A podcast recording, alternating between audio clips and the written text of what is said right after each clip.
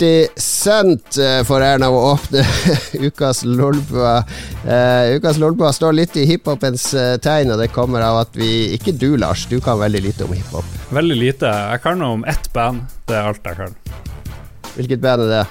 Booyah Tribe, baby. The Samoan Mafia.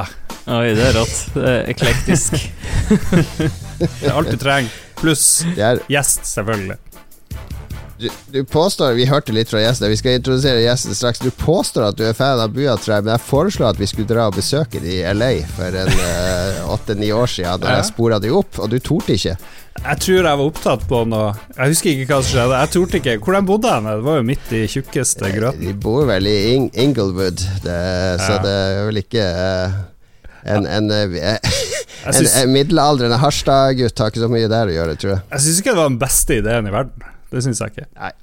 Men hvis vi hadde hatt med gjesten vår der, så tenker jeg det hadde blitt besøk. Eh, hjertelig velkommen til uh, Ja, hvordan skal vi introdusere deg? Du har begynt i Kompani 69, så vidt jeg vet. Var innom Marabakka, Hålogalandslaget. Jobber masse med en annen rapper som heter Tomax. Det er jo selvfølgelig Harstads største rapper, RSP eller Patrick, som du også heter. Velkommen. Yes, tusen takk. Det er ikke ofte Marabakka blir nevnt. Og han, eh, han eh, Tomax, han, eh, han produserer da, han lager beats. Han gjør det, ja? Ja, så det er der vi har Vi har ganske klare arbeidsfordelings... Vi er veldig dårlige på Tomax, uh, Tomax i Lolbua, fordi jeg kalte han Lomax en gang da jeg skrev om dere i uh, Harstad-tidene. Ja. Det var. det, var ikke, det var ikke kjempehit. Det var ikke det. Nei, altså Fordi du tok feil? Du tenkte liksom at han kalte seg etter den der uh, superpopulære spillkarakteren? Han er, han er jo uh, han, uh, han, heter Thomas, han kaller seg vel bare Altså, jeg sier nå Tomax. Det er noen som sier Tomax. En som lager beat, er det ikke en DJ lenger, eller differensierer de? På, på de to tingene? Nei, han er nå begge deler. Han blir mer og mer DJ med årene, han. Men um, ja. nei, du trenger ikke um, Du trenger ikke kunne begge deler om dagen. Nei, det er vel, det er vel uh, forskjell på opprinnelige DJ-er og folk som sitter i, uh, i, software og lager beats. Ja ja, det er nå Altså, begge, begge begrepene kan jo ta alle veier. Det er jo uh, for så vidt eh, lav eh, Det er vel ikke noe sånn eh, beskytta tittel å kalle seg DJ, i hvert fall. heller ikke noe. Jeg tror ikke det, men det skal ikke handle om Tomax her. Han kan være gjest en annen gang. Det skal handle om uh, deg, Patrick. RSP. Det er jo også kjent som Forsvarets uh, nødrasjon, men så ja, Har jeg hørt et sted, har jeg drømt at det også egentlig står for rimsmed uh, Patrick?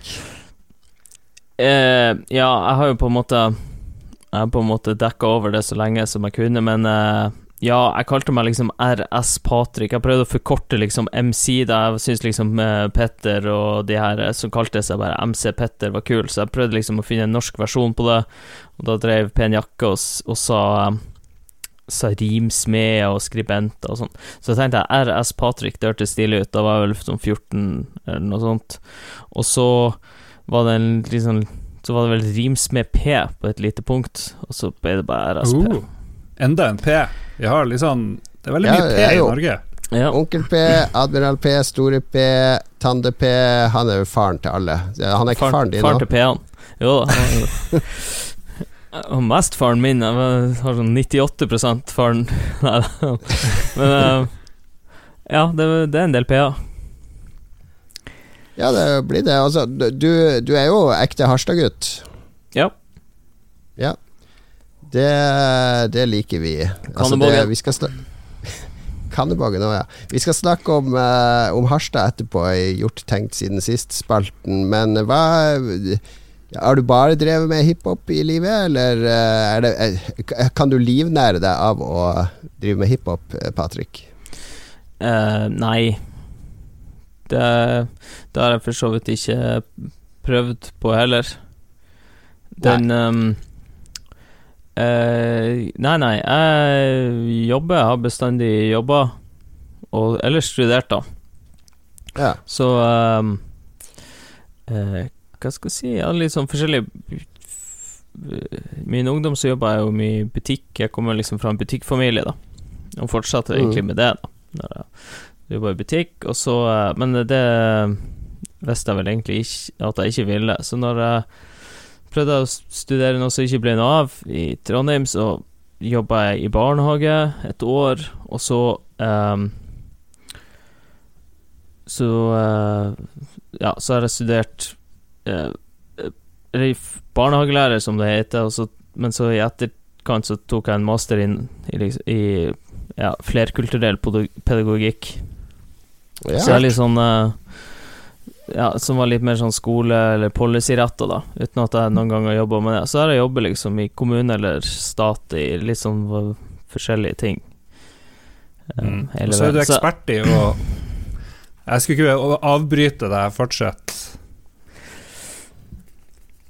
Nei, jeg, jeg har eh, ikke så Det er ikke så veldig interessant, men jeg har nå liksom Jeg har gjort noe Altså, om det har vært hovedvirket mitt Altså, det har jo vært år der jeg har helt klart brukt mer tid på, uh, på musikk, akkurat som at det, for de fleste så er det vel år der de har brukt mer tid på fest enn på skole, eller ja, hobby enn på jobb. og of Warcraft uh, enn på ting ja. man kanskje heller burde gjøre, osv. Ja. Jeg, skulle, jeg skulle skyte inn at du er ekspert på å pakke kofferter òg. For det har jeg oppdaga i dag.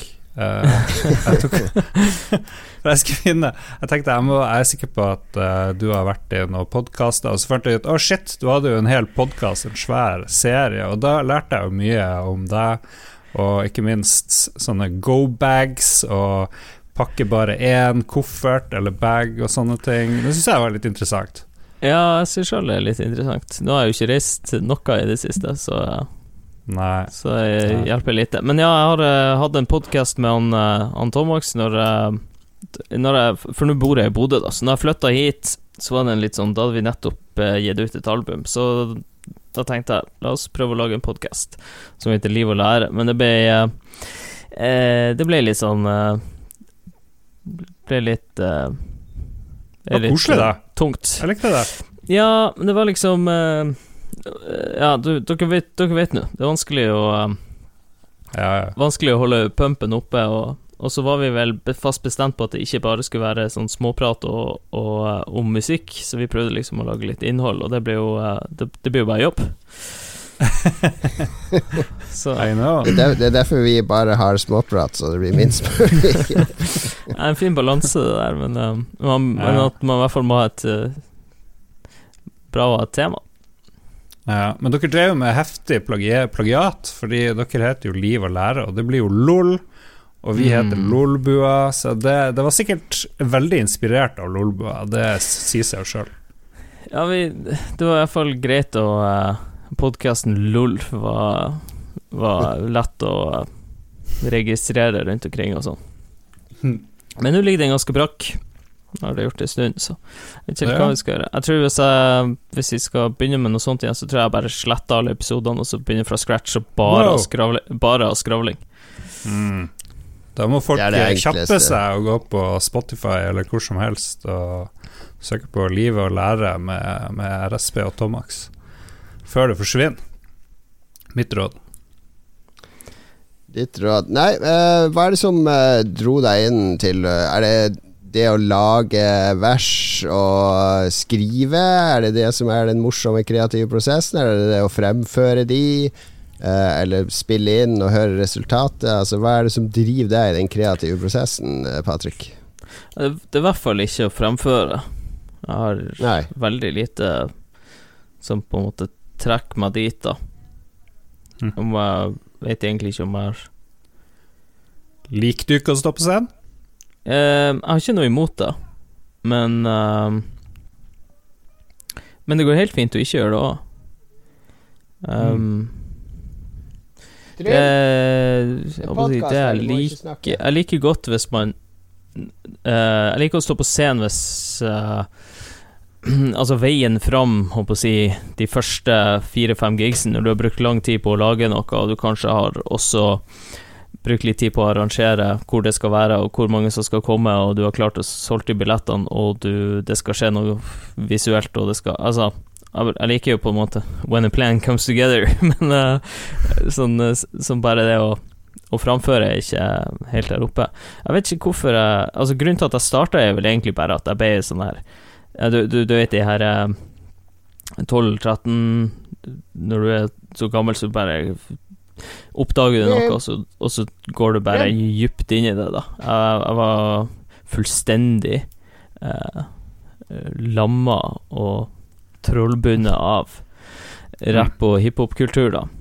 Og eh, eh, kan verken eh, danse eller tagge eller eh, Eller eh, ja, DJ, eller er ikke noe særlig sånn musikalsk av meg, så Men jeg tror nok Hadde jeg hatt noe liksom, talent for noe annet, så tror jeg jeg hadde nok gjort noe annet. For jeg vet ikke helt om jeg så på meg sjøl som en slags sånn derre Ja eh, frontfigur. Så eh, Men jeg liker språk og liker å skrive og liker å knekke litt sånn koder og mye sånn alt eh, det, det var nok mye i starten, bare det å eh, knekke koder av det du hørte, da, så bryte ned liksom rimeoppsett og struktur og ord og eh, sleng og ja. Som, mm. eh, og det å sette det i hop igjen, det er vel det som håper si klikker. Vi skal jo snakke litt om hiphop og spill etter hvert, men vi kan jo ta det med en gang. Eller én bit av det. Vi driver jo snakker mye om nerding og gaming og sånn. Hva var liksom din vei inn i den verden? Uh, min vei inn i det var vel um, Broren min hadde en Amiga 500. Jeg hadde en Commodore som jeg fikk Ja, jeg jeg var vel Altså, jeg er vel en generasjon som aldri burde hatt en Commodore 64, liksom, men at jeg fikk det gratis bare fordi at jeg også skulle ha noe pusle med, men jeg spilte jo med, bare Med diskettstasjon? Eh, nei, ja, sånn kassettstasjon. Okay, der, ja. Ja, så uh, hva jeg husker derifra Jeg husker jeg spilte masse Bubble Bobble og Kommando og noen sånne ting. Jeg husker i hvert fall det, da. Og så hadde jeg Så var jeg egentlig aldri med på hele Nintendo Eh, Super Nintendo eller noen av de der eh, Nei. Eh, vi hadde aldri noe sånt. bortsett fra at vi hadde liksom PlayStation når det kom, og det var helt nytt. Og det var sånn Ja, det var, det var, mye greier rundt det, da. spilte Ja, spilte vel egentlig det vanlige. Tekken og ah, yeah. Og uh, Men når vi, når vi, tenker sånn spill og sånn uh, Sånne ting som har satt seg, så brukte jeg å spille XCOM, altså Enemy Unknown, på PlayStation. Det var en sånn port til, til PlayStation 1, det. Så det er, som er jo å være helt sinnssykt. Og, og, og, fortsatt en dag i dag så sliter jeg liksom litt med å spille det på PC, men, men XCOM Enemy, Enemy Unknown er jo fortsatt liksom Ja, tidenes spill. Og også Final Fantasy 7 Var det til PlayStation 1?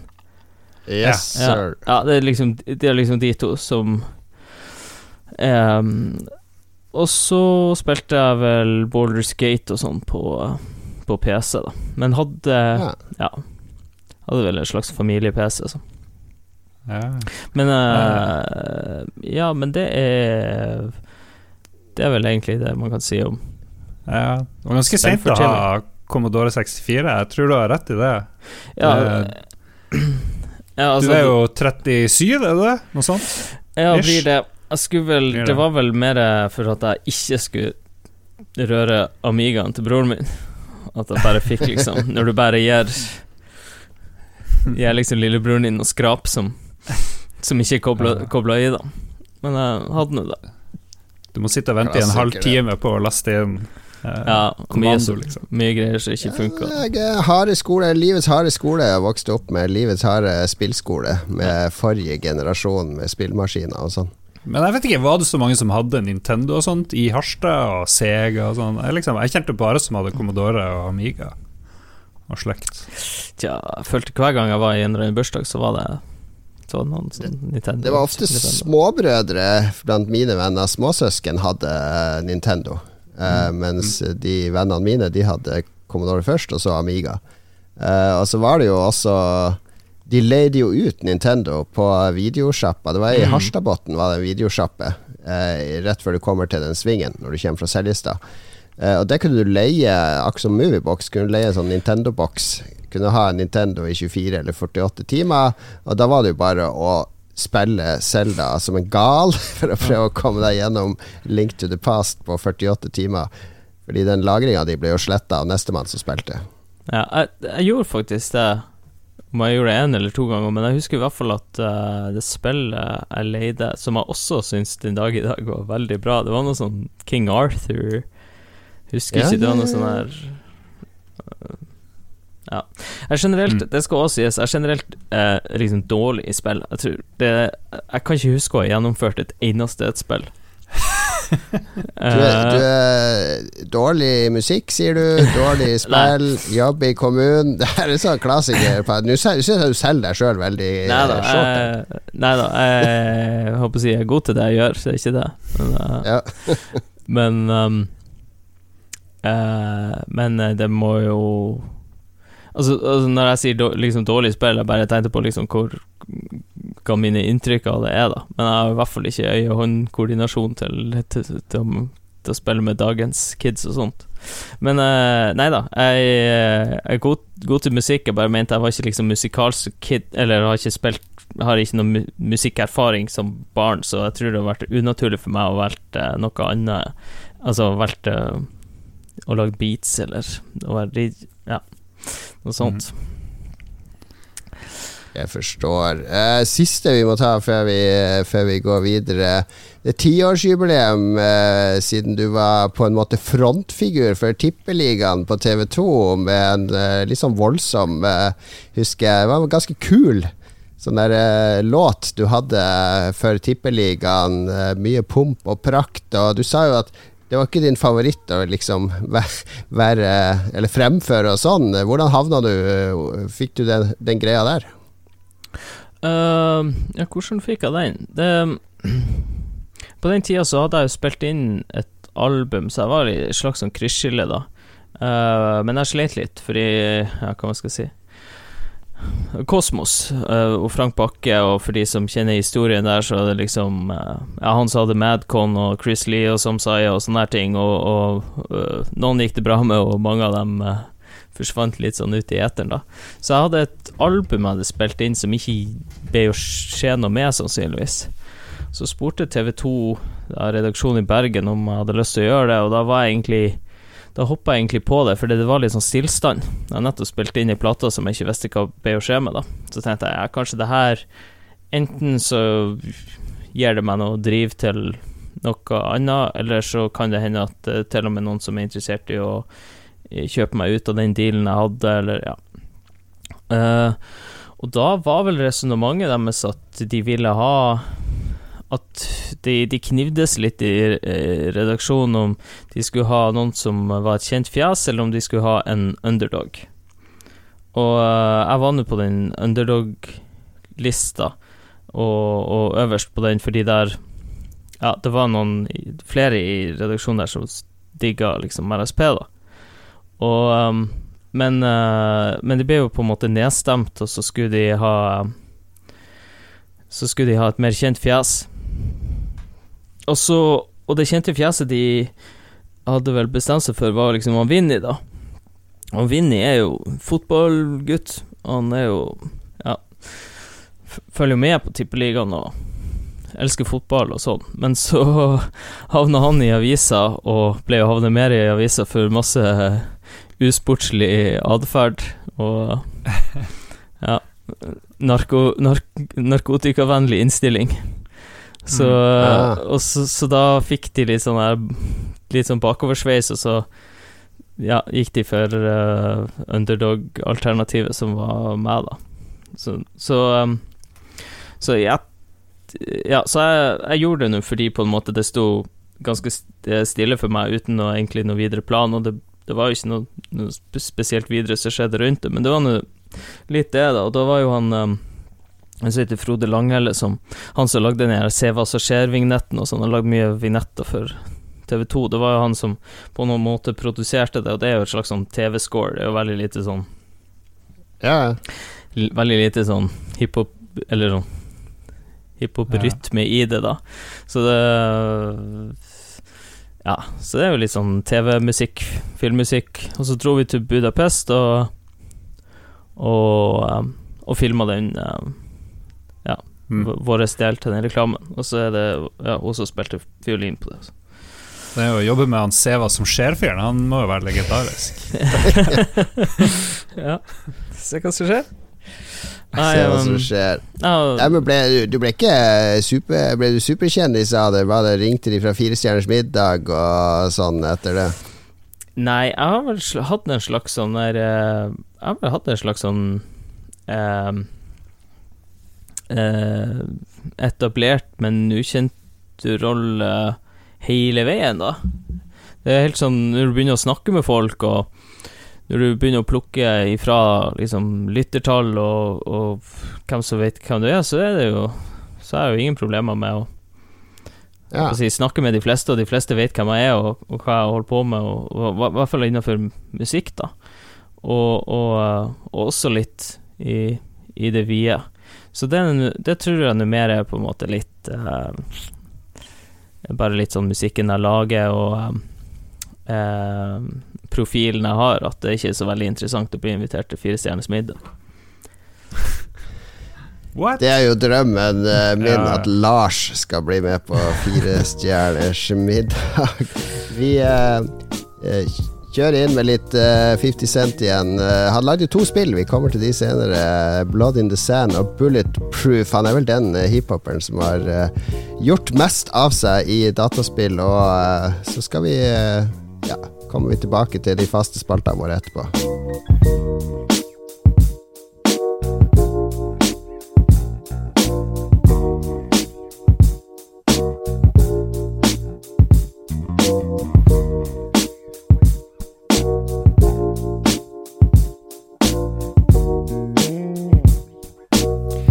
Time for some rap battle, motherfuckers. ja, det var Da uh, var det litt rap. Lars. Takk for det. Har vi hatt rappkonkurranse nå, Lars? Nei, heldigvis ikke. Da vi hadde noen livegreier i Oslo, så kom eh, noen fra Hva det heter for noe? De som er i Oslo og rappespillpodkast. Ja, uh, Spillmatic, som er en podkast om hiphop og spill. Ja, skal jeg være litt tøff i kjeften, og så begynte jeg å synge litt tungtvann. Uh, eller prøvde å rappe litt tungtvern. og sånn der, det eneste jeg kunne huske, det var sånn to setninger, og så tok han Uh, ene han uh, Aslak, sikkert. Uh, tidligere Gatas Parlament. Aslak. Bor Borgersrød.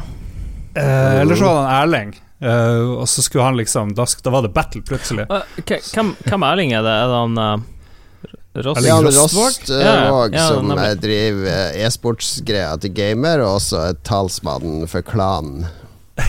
ja. Har han vært i mange år. Så han kom med liksom sånn motsvar, da. Og så hadde jeg ingenting.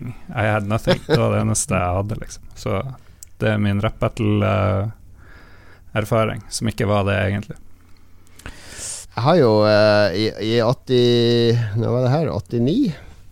Da var jo jeg og min venn Vi var MC Clock og DJ Brille, og vi drev eh, og sampla og greier fra Pantera og uh, diverse metal, men tromme, da. Så vi lagde to rapper eh, som jeg har på kassett et sted. på nordnorsk. Eh, det var gøy, gøy det. Gøy det. det var aldri ment for å, at noen utenfor oss to skulle høre det. da Ja, Nå må vi jo få høre det. Det kommer aldri til å skje. Kommer aldri til å skje. Vi må snakke om hva vi har gjort, og hva vi har tenkt uh, siden sist, uh, rett og slett. Og uh, vi kan begynne, vi, vi, som har vært med en stund. Lars blir litt mindre farlig for Patrick. jeg har akkurat overlevd skybrudd i Oslo. Det er det jeg vil dele. Fordi nå i Oslo det har vært sykt varmt siste uka. Nærmere 30 grader har det vært nå i helga.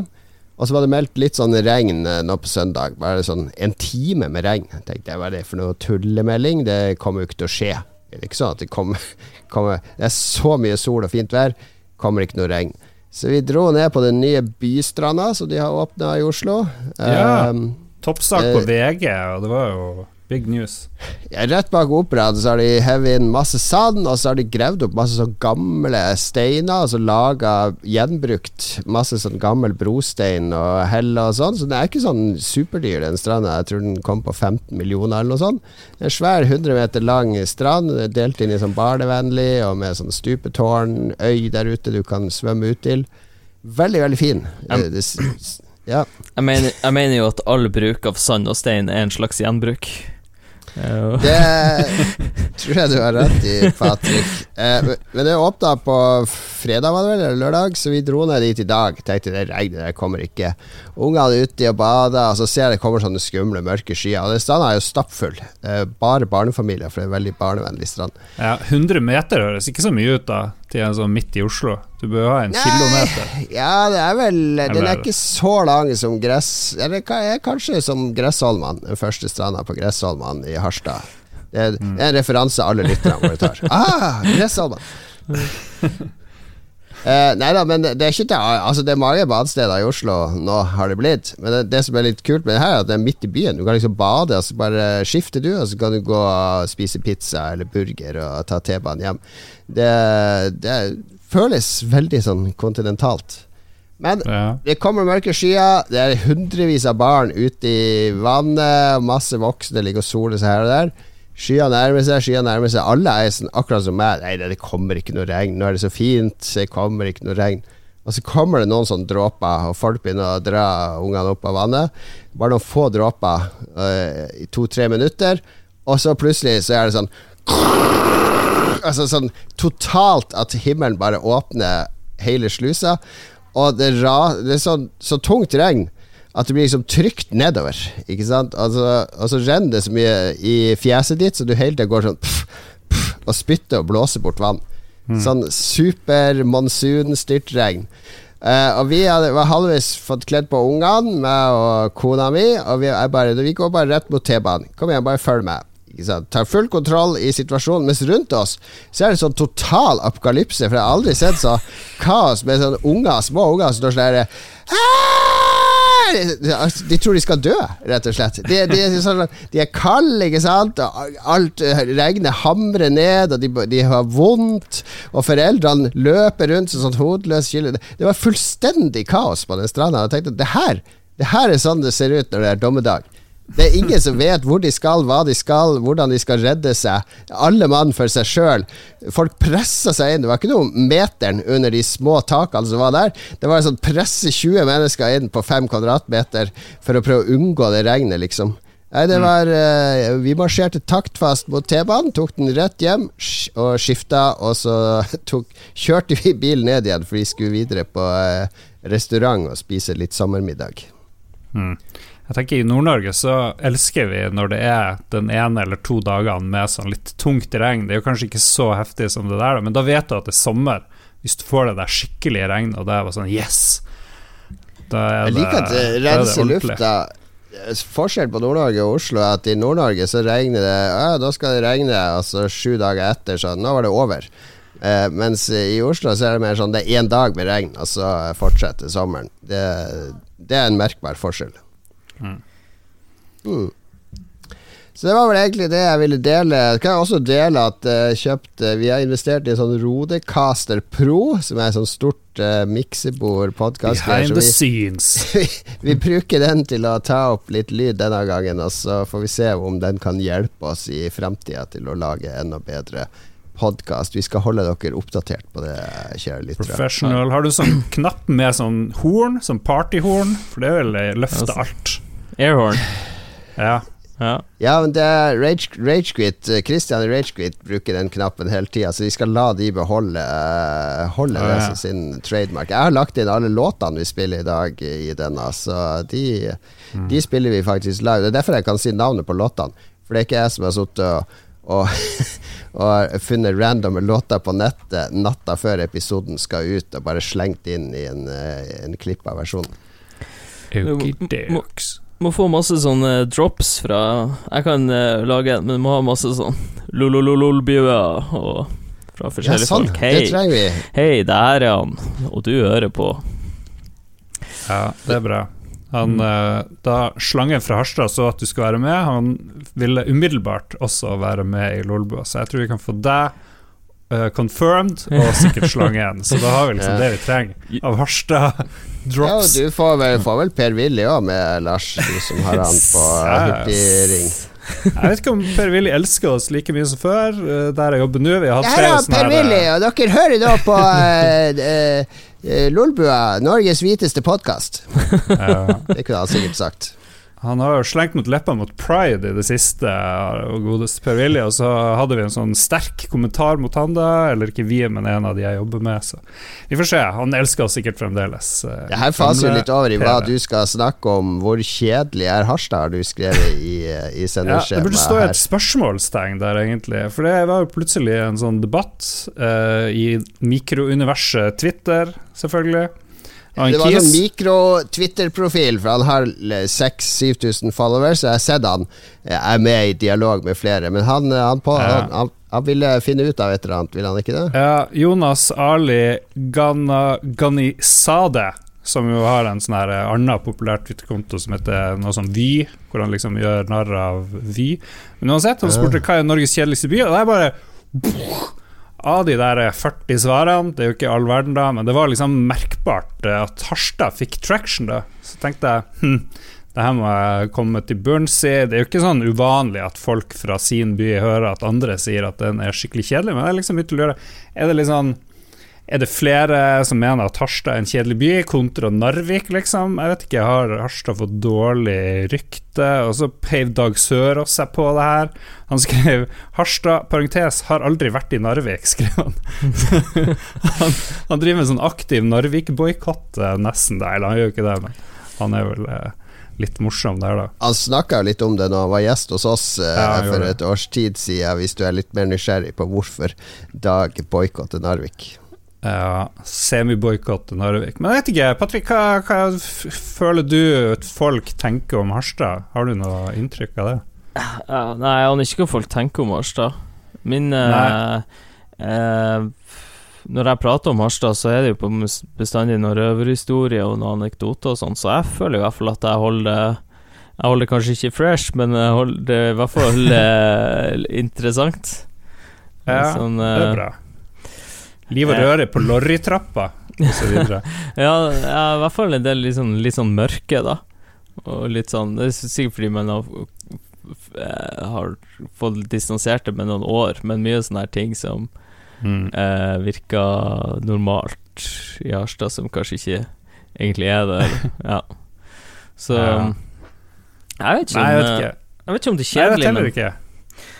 Um, jeg, jeg, jeg, har jo tenkt uh, De første årene der jeg bodde hjemmefra, så var jeg der kanskje litt mer sånn hjemme da, i påske og, og sånn her. Og jeg husker blant annet når jeg hadde ferie og dro til Harstad, så kunne jeg liksom dra på byen uh, nesten hvor som helst dag i uka, da. Det var liksom noe sånn her Altså, det var jo ikke Alt var jo ikke like artig, men det var liksom noe sånn her uh, karaoke på Swings og jam, på en tirsdag, og så var det liksom et jam på Nei, eh, ja, jam på Nordlendingen på torsdag, og så var det Altså, det var noe sånn her Det var noe mm. som skjedde da. Og så, så kom jeg tilbake noen år etterpå, men var fortsatt ja, rundt 25 eller yngre da, og eh, og liksom lurte på hvor de andre folkene i 20-årene hang, og det, det, da var det jo egentlig ingenting.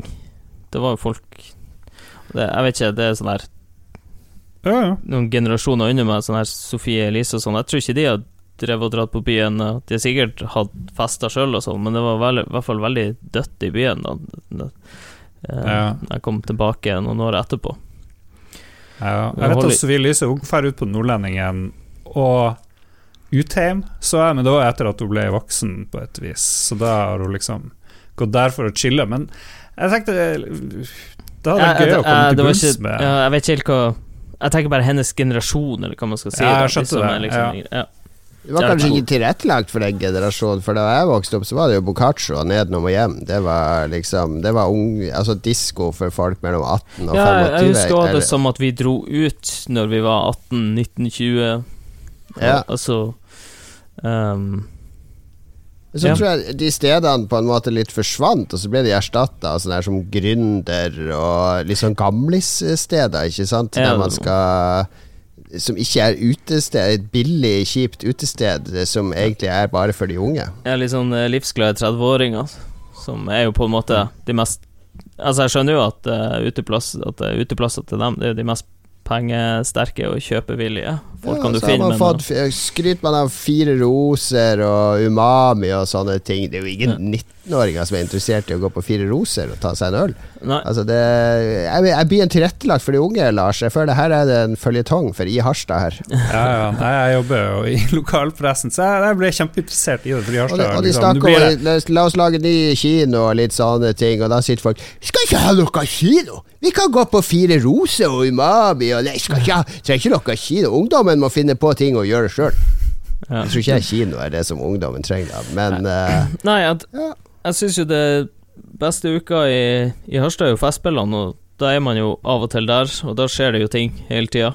Og så gjetter jeg jo at um, det, det, er ikke representativt for resten av året, men jeg vil jo heller ikke si at det er så veldig ja, ja. veldig hot tror... for uh, tidlig 20 ja. Tidlig 20-tallsåringer. Nå blir det veldig Harstad-sentristisk, men jeg tipper mange kan kjenne seg igjen at ok, er, hvordan er byen jeg bor i egentlig? Er den kul? Men det er veldig aktuelt nå for tida, da, fordi hele Nord-Norge, der er det jo sånn at det, det, det, avfolkes ikke sånn dramatisk, men befolkninga blir kjempemye eldre, og folk liksom flytter litt mye bort fremdeles. Og hvordan skal man holde på?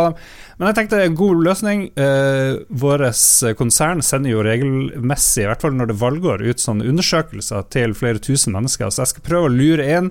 Klarer vi å rangere nordnorske byer? Hva er den kuleste nordnorske byen? Er det Bodø? Er det Tromsø, Narvik, Harstad? Alta, jeg vet ikke, kanskje det holder med de. Det kunne vært litt morsomt. For dere har jo lokalaviser i alle de der, så da kan dere skape engasjement. Ja, ja, ja, ja, ja. Men har vi gode ambassadører? For jeg vet, Patrick, du, du rapper jo om Harstad og positivt om Harstad. Nei, jeg men, gjør jo ikke det. Jeg ja, ja, rapper du, bare om meg sjøl, og så er jeg tilfeldigvis derifra. Så det, så det, det bare kan, blir mer okay, dragsuger. Du er ikke så god ambassadør. Eh, per Willy fremsnakker sjelden Harstad. Og så har vi Kjetil Rollnes. Eh, han snakker aldri om Harstad. Sofie Elise, hun disser bare Harstad. Hvor er Harstad-kjendisene som fremsnakker byen? Byen sin eh, nasjonalt.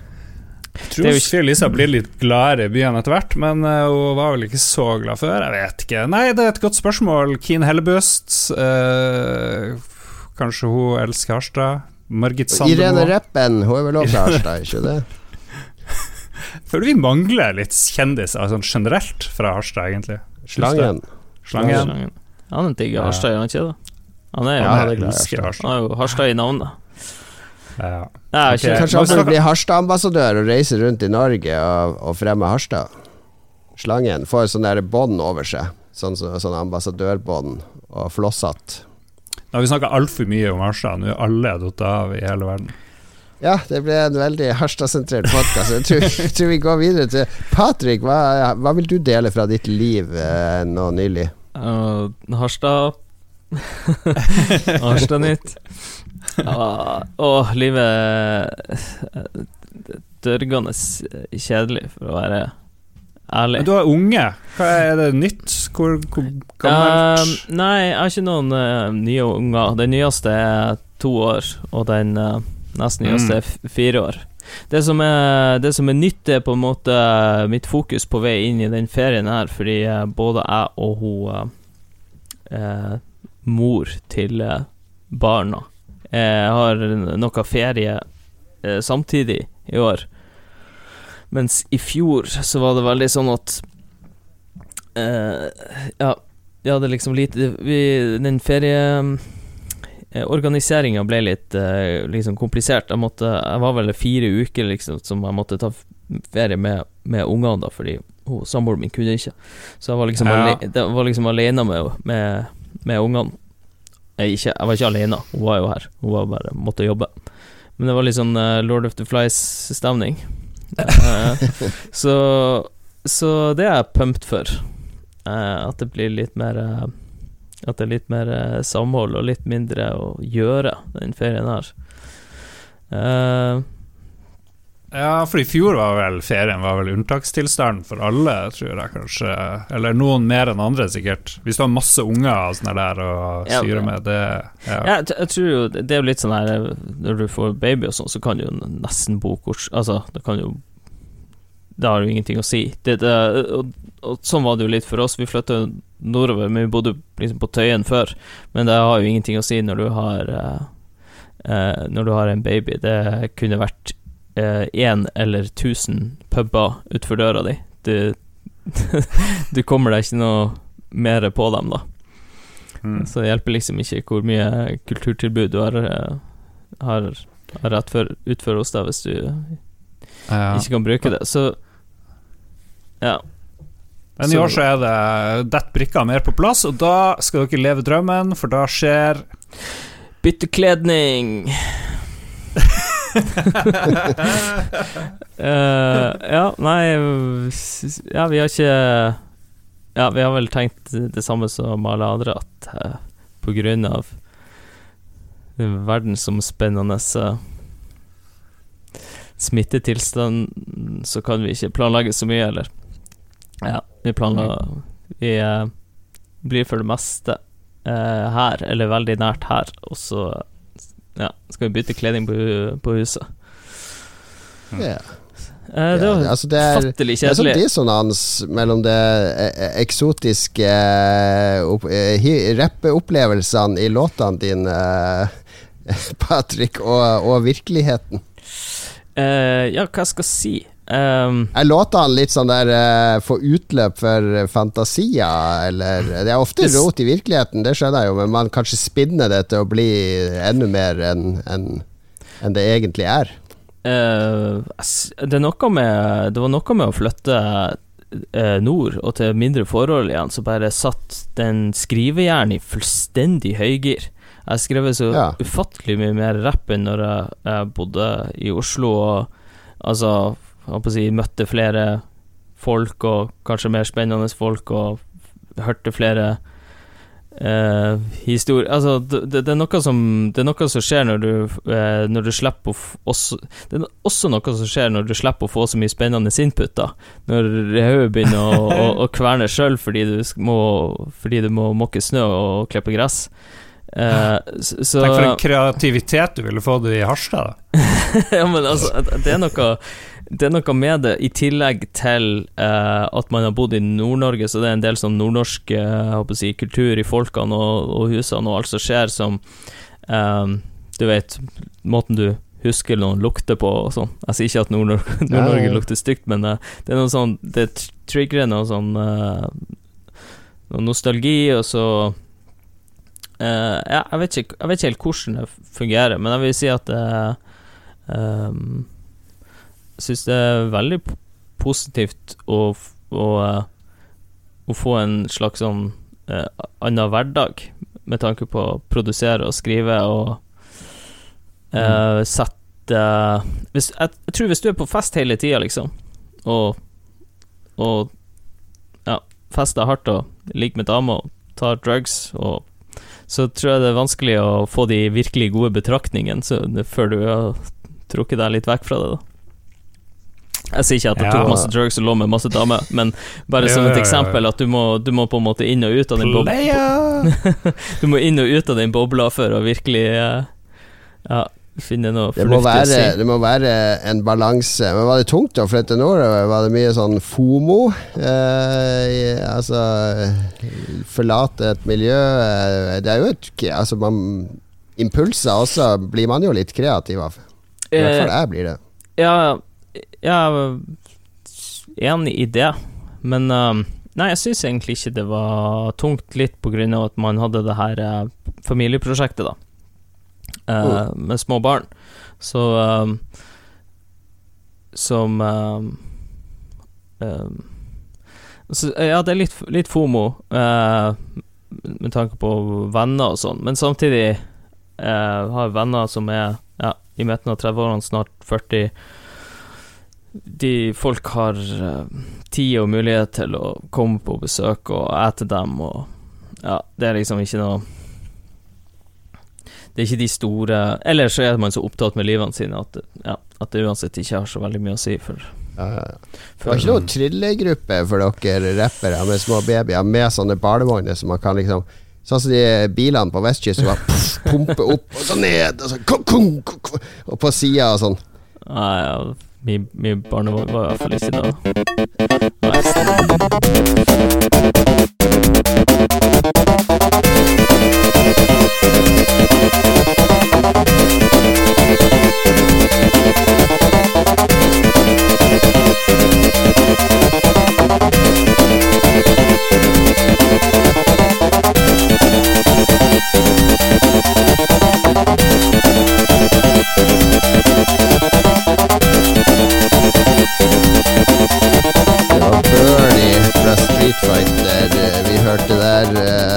Fighter 2, for å være mer presis, faktisk. Visste dere at Street Fighter 1 Jeg hadde bare to karakterer, Ryu og Ken? Wow. Fake news. Ble, ble, aldri en stor suksess. Det var først når oppfølgeren kom, og det var åtte karakterer. Og ikke minst det unike så det spillet gjorde, var at de åtte karakterene hadde forskjellige angrep. Og for, altså, du måtte spille dem på helt forskjellige måter og forsvare dem mot dem på forskjellige måter. For alle sånne toplayer fighter-spill fram til da hadde bare vært samme karakter med samme moves. Så hva heter det? Asymmetrisk eh, gameplay er vel det vi kaller det, vi som lag, lagde spill, som jeg gjorde i gamle dager. Ikke noe internasjonal Karate Pluss lenger. Nå er det kun kaos. oh, det, det, var det jeg tenkte på når dere pratet om det. Det var vel på Amiga. Mm. Mm. Jeg husker det var sånn tastegreier så de mista buksa i internasjonal karate pluss. Nei, sagt, jeg tror jeg var så liten at jeg ja, Ofte, ofte så fant, sånn, fant, jeg aldri ut hvordan noen av de spillene helt elementære fungerte, altså. Ja, kunne ikke Men, uh, Nei, det var, var en sånn easter egg. Du holdt inne noen noe taster, og så mista alle buksa si, og så så de sånn dumt på skjermen med sånn O-fjes. Ja. Rund munn. Uh, moro, moro. Det, spalten er jo da Vi snakker om spill nå, fordi vi skal snakke nå om hva vi har spilt siden sist. Og er jo definitivt kjedeligst her, for nå er det tilbake til Escape from Tarco for min del. Det har vært det som de kaller for en vipe, så ca. én gang hvert halve år så viper det spillet. Det betyr at alle, alle spillere går tilbake til start. Uh, går tilbake til level 1, mister alt utstyr, mister alle oppgraderinger. Og så Eh, legg de til. De endrer litt på regler, legg til litt på kart. Eh, endrer litt på ulike quests og requirements, og eh, adder noe nytt. Så det de har adda denne gangen, som ikke var før, er at eh, Ja, hva skal jeg si det, det, det er de skauene i spillet, det er sånn der uh, som går rundt og uh, Litt sånn der B-soldater som går NPC, rundt. NPC-er, eller? Ja, de er NPC-er, men du kan også spille som skau av og til. Ja. Da risikerer du ingenting. Hvis du klarer å, å finne masse items og komme deg ut i livet, så kan du gi de til hovedspilleren din.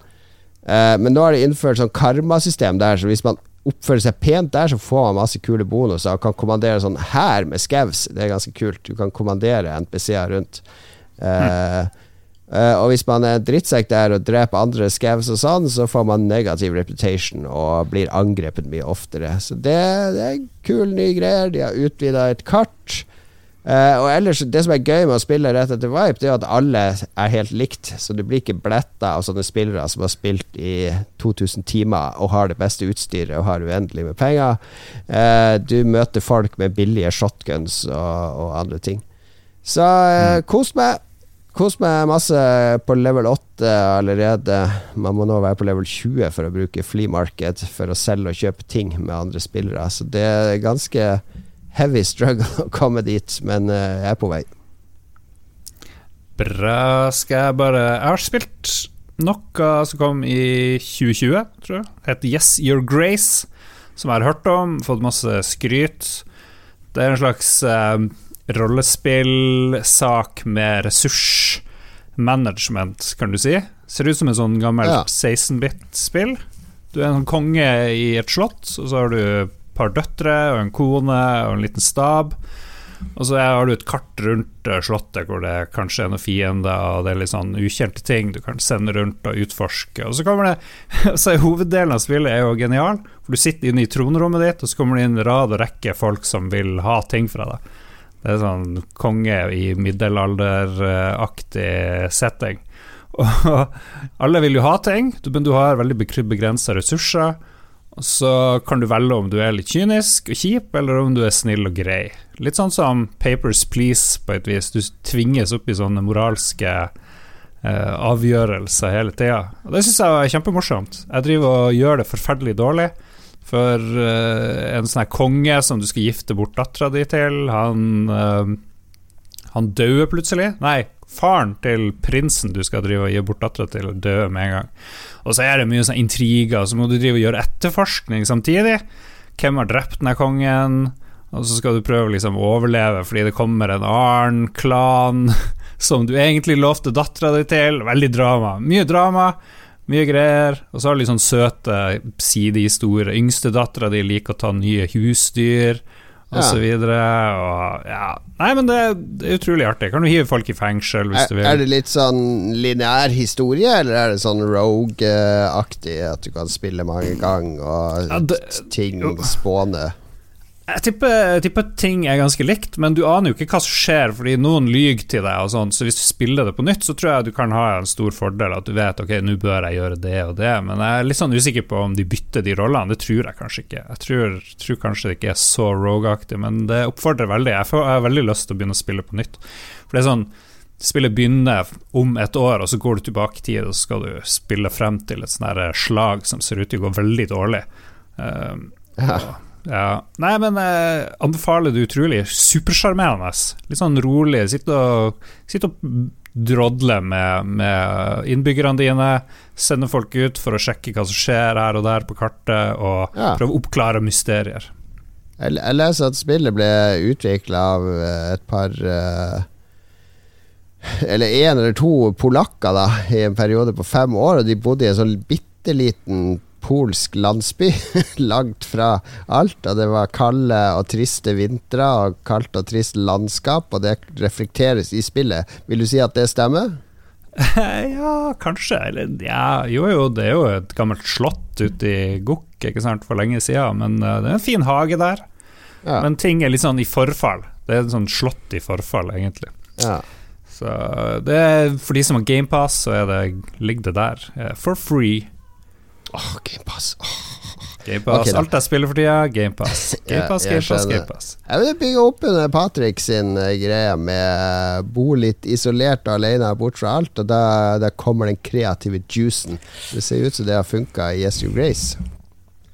Ja, absolutt. Syns, ja. ja. Uh, jeg sp spilte jo en del av det der Jeg har ikke gjort det nylig, da, men jeg var lame, og det var jo bare noen jeg vet ikke, kjempefå mennesker som lagde det, og det er jo ja, det er mm. helt amazing at de klarte Nå, føler jeg egentlig at dere har dis diskutert noe sånn uh, uh, ja, reduktiv sider og vin og øl, og så kommer jeg med noe Monster Energy Drink, fordi jeg har, uh, jeg har bare spilt Apex Legends i sånn her ja, en måned eller noe. Det er perfekt. perfekt. Har vi, jeg, jeg, har spilt det før. Jeg har ikke vært med siden sesong tre, men ungene mine spiller det hele tida. Ja, exactly. Så, men uh, ja, jeg Hva skal jeg si? Egentlig sånn uh, uh, Liksom det ideelle spillet mitt er et eller annet rollespill Altså som Baller Skate 3 og sånn her, som jeg har, og som jeg har prøvd å spille, men jeg bare gidder ikke. Jeg gidder ikke sette meg ned med det. Mm. Jeg gidder ikke å dempe lysene og Ja, du skjønner, jeg orker ikke sette av tida ja, ja. til det. Så det ender bestandig med liksom Apex Legends, og fordi man har noen kompiser som også spiller det. Eller lignende.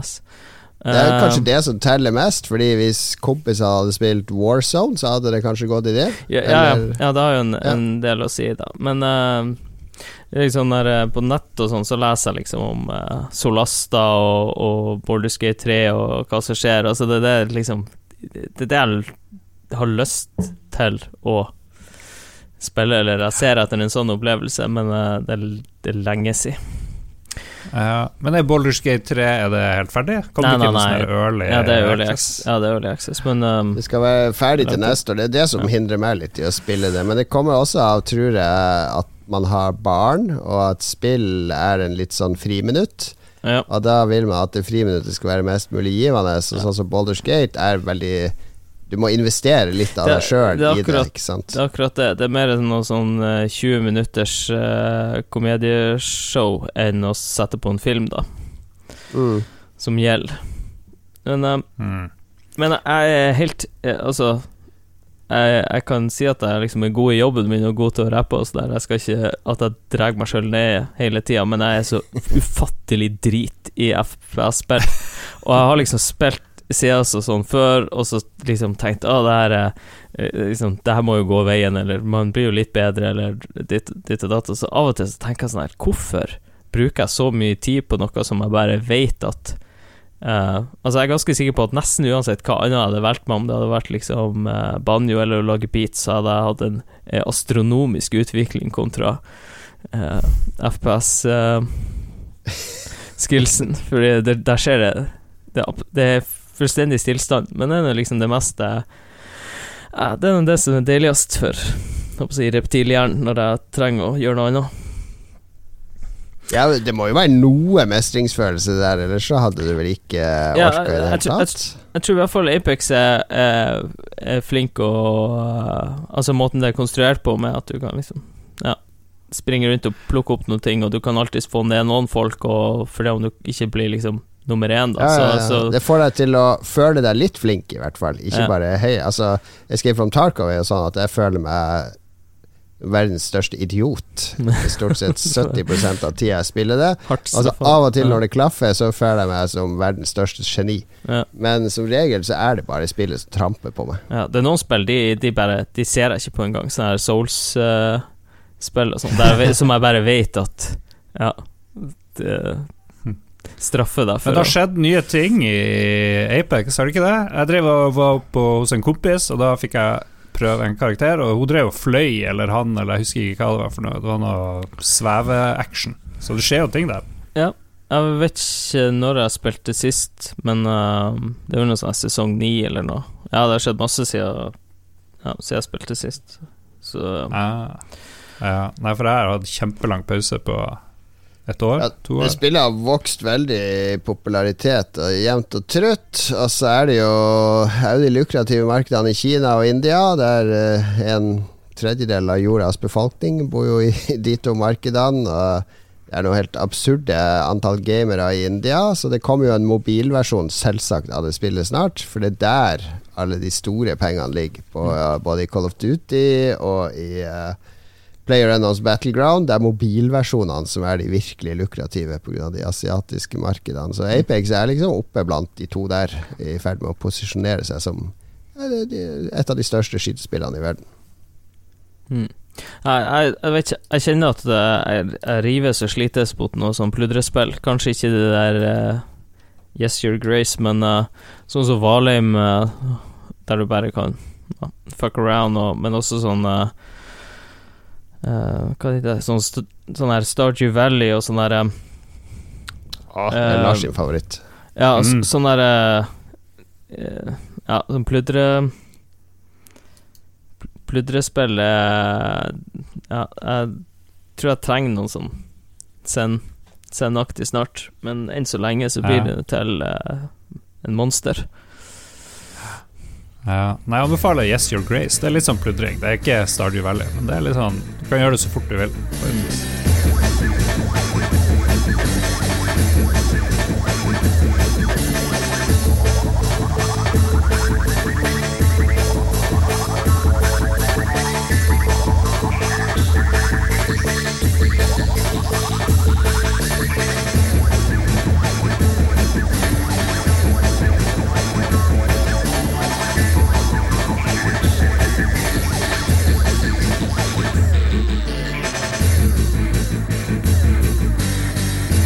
Hva er det vi hører nå, Lars? Er har ikke peiling. Jeg begynte å lure på det. Crazy Chili Dog fra Street Fighter 4, eh, tror jeg. Kanskje, eller 3. Herregud. Vi har garantert en lytter da som sier Åh, det var tre, din idiot. Det burde du hørt. Det er ikke, noe, det har ikke vært noe slåssespill på deg etter Tekken, uh, Patrick? Uh, nei, jeg husker ikke hva det siste, det siste Tekken har spilt engang. Jeg var liksom uh, Hva var det største Tekken? Det må jo ha vært uh, Når det var Jeg tror det pika på Tekken 3. Det var Tekken 3, og da hadde du også det der Tekken Tag Tekken Tag og Tekken 3 Ja, Tekken ja, Tag fordi, Tournament og ja. Tekken 3 De kom omtrent samtidig. Så Tekken 4, da gikk det nedover. For Tekken 4 var ganske dårlig. Nemlig. Tekken 3. Ja. Uh, på Tekken 3 så var da, da var jeg fortsatt med um, Maina King og Ja, drev og rulla rundt. Maina King, ja, ja. Ok, det er en king vi har med å gjøre. Lars var jo på han Eddie, selvfølgelig. Bare hamre løs på beina, ja. ikke sant? Nei. Var du Paul, Jon Cato?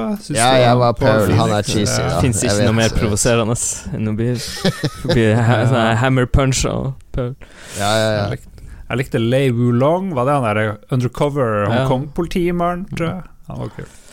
Ja, og så hadde du jo han uh, Bruce Lee-rip-offen nå i de første Tekken-spillene. Ja. Nei, det døde vel eh, Det døde vel litt med internett. Sånn uh, ja. Sånn uh, beat them ups at du ikke satt og Du møttes ikke så mye i stua og spilte mot hverandre. Litt usikker. Mm. Ja, det eh, døde litt Street Fighter har klart å gjenerobre på en Altså, de, de, leder jo i det markedet nå. Tekken har dødd ganske mye, og det tror jeg han Tekken-skaperen han sa, fordi de lagde jo en Street Fighter X Tekken. Som liksom var et Street Fighter-spill der Tekken-karakterene besøkte. Og så var planen at det også skulle lages et Tekken X Street Fighter, der Tekken-skaperne skulle putte Street Fighter-figurene inn sammen mm. med Tekken-figurene i Tekken-motoren. Og det orka aldri Namco å lage, så han Tekkenskaperen tror jeg sa i et intervju at han mener det var der de, de missa den ballen. For hvis de hadde gjort det, så hadde liksom Tekken eh, og Street Fighter fortsatt kunne kunne vært likeverdige med ja. han, da. Men uh, Mortal Kombat og sånn, for jeg, jeg, har ikke spilt noen av dem, men, men det er blitt mer sånn lineært, altså ja. storydrevet og sånt, det, er det som skjer, eller hva?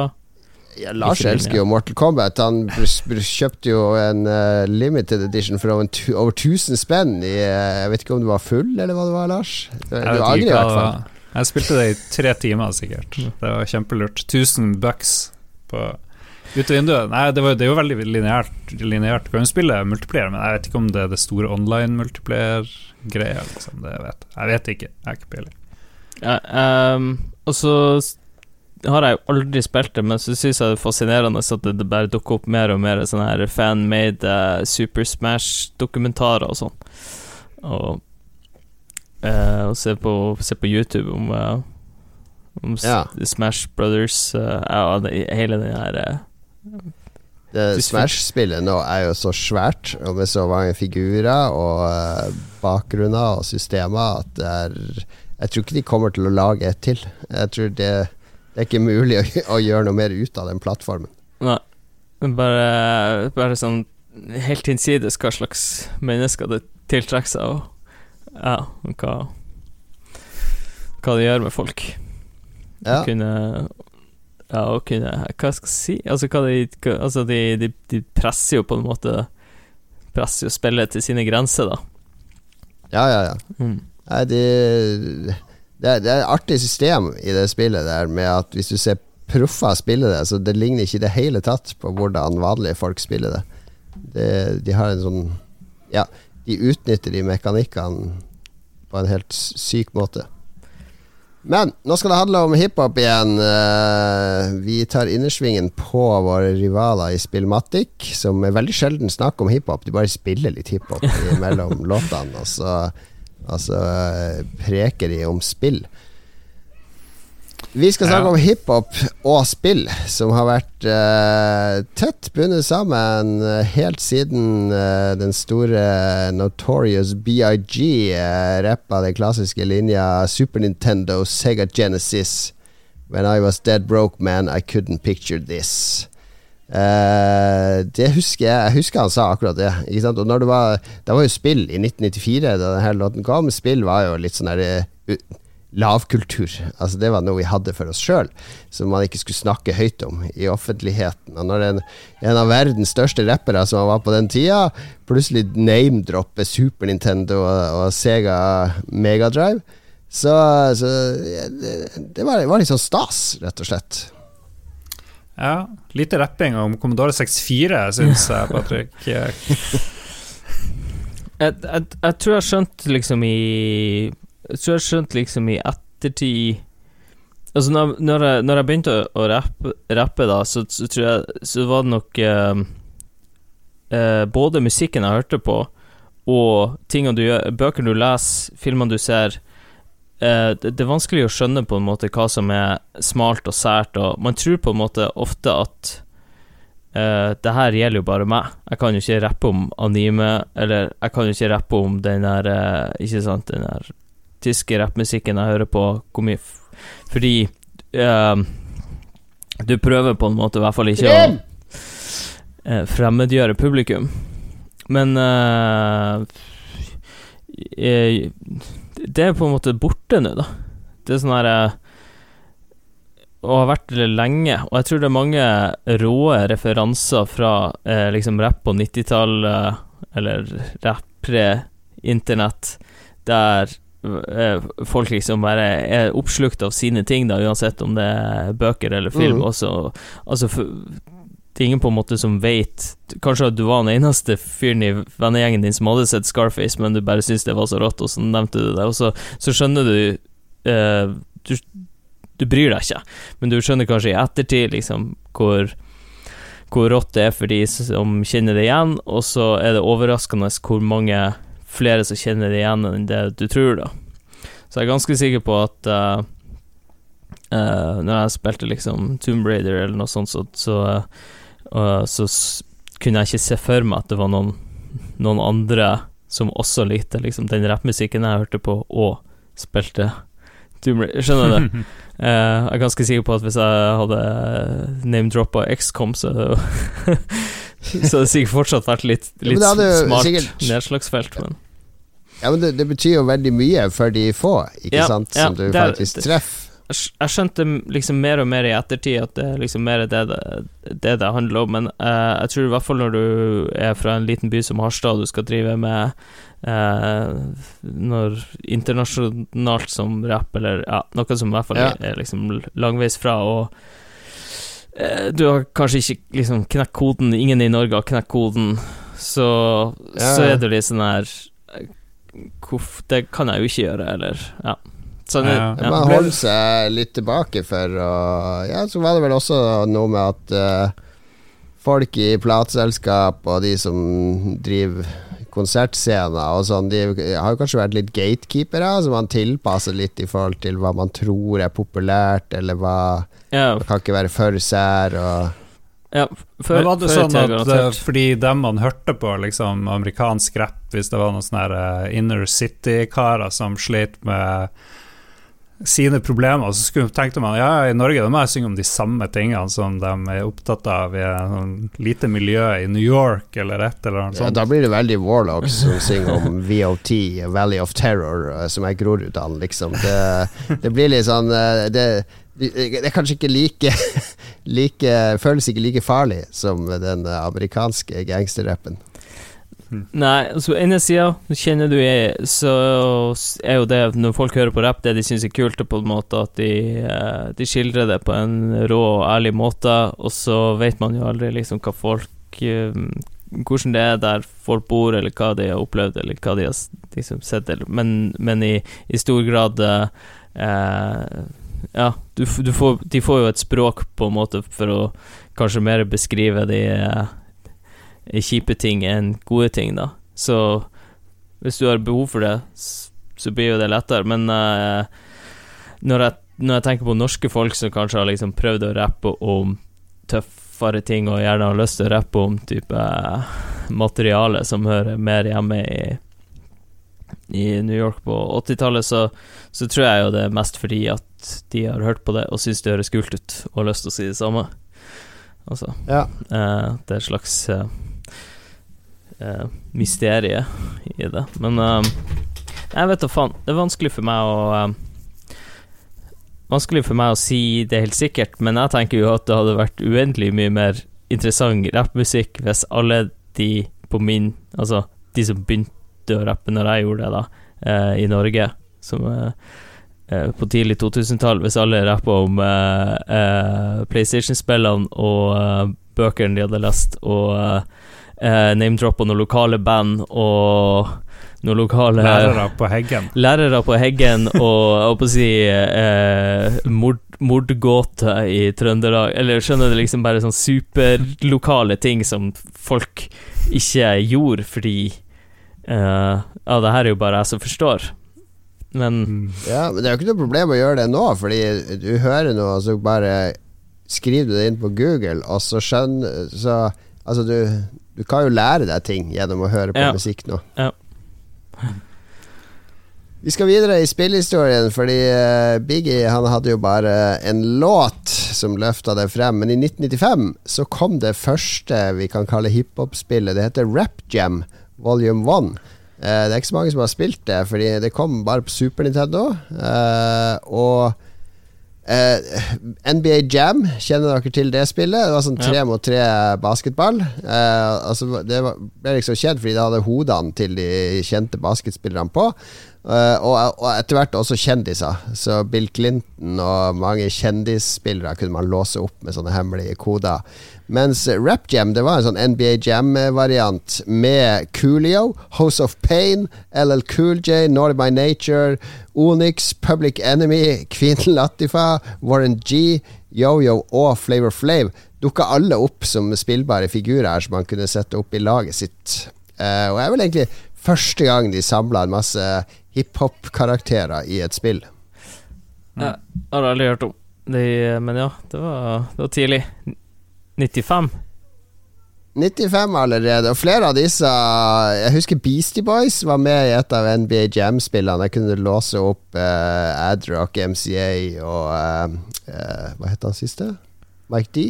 Alle de tre kunne låse opp som et eget lag, og flere andre uh, hiphop-stjerner dukka opp i NBA Jam etter hvert. Men det spillet her gikk sånn helt under radaren. Det het Volume 1, men det kom aldri et Volume 2. Eh, det er ganske likt uh, mange rappere sine mixtapes òg. så sånn sett så er det veldig uh, in character med hiphop-verdenen. Autentisk. Ja. ja. Autentisk, rett og slett. Men så, i 96, da kom det første rappspillet jeg spilte. Det var selvfølgelig Parappa the Rapper på oh. PlayStation 1. Denne hunden med lue som gjennom seks nivåer skulle rappe eh, med ulike karakterer for å vinne kjæresten sin Sunny tilbake. Og uh, var jo basically bare et sånn Simon Says-spill, der du skal trykke på riktig tast i takt med musikken, sånn at Parappa rapper. Men uh, herregud, så sjarmerende det var. Husker du det, Lars? Jeg husker at du ba meg kjøpe en Parappa the Rapper toaster eller brødrister, eller jeg husker ikke hva det var. Det ja, var i Japan. sånn at jeg skuffe deg, for jeg, jeg, fikk aldri tak i det. Men uh, ja, fikk litt dårlig samvittighet. Jeg vet ikke, Spilte du noe av det, Patrick? Nei, jeg gjorde ikke det. Jeg husker naboen min hadde vel det, men um, jeg, altså 90, 96, eller i de årene der, så var vel jeg veldig, veldig eh, rappinteressert. Og ja. eh, og syns vel fort at det ble litt sånn flåsete eller teit. ja, det skjønner jeg godt. En sånn Ja, det var eh, Ja, fordi Ja, det ble liksom sånn derre eh, På sida av det jeg syns er interessant med rapp, ikke sant? Ja, for det, det er veldig sånn det er jo japaner som har laga musikken og designa spillet, som heter Masaya Matsura. Han var på Bilarm for en ti-tolv år sia. Og faktisk Han driver og eksperimenterer mye med musikk og det visuelle og sånn, så Parappa er bare ett av mange eksperiment. Og så var det ja, vi var på Den visuelle stilen var Rodney Greenblatt, som er en veldig kul tegner, da. Så det var en sånn unik kombo, men den har egentlig ikke noe med hiphop-kultur å gjøre. Den, den tok egentlig bare hiphop og rap og lagde det om til en interaktiv tegnefilm. Ja, jeg husker ikke så mye Altså, jeg husker vel rapping var jo veldig sånn her Altså sånn ja. Med lange pauser imellom. Og jeg, jeg tror ikke jeg husker musikken heller, men jeg ser for meg at det var sånn lange scratchelyder, sånn, sånn, sånn ikke ordentlig scratching, bare sånn, sånn Og så noe en eller annen loop med Ja, um, kan YouTube det for å se, men, men sånn Ja, jeg husker det verken som eh, Jeg kan, kan huske at Jeg husker at det var veldig populært, men at jeg ikke likte det, da.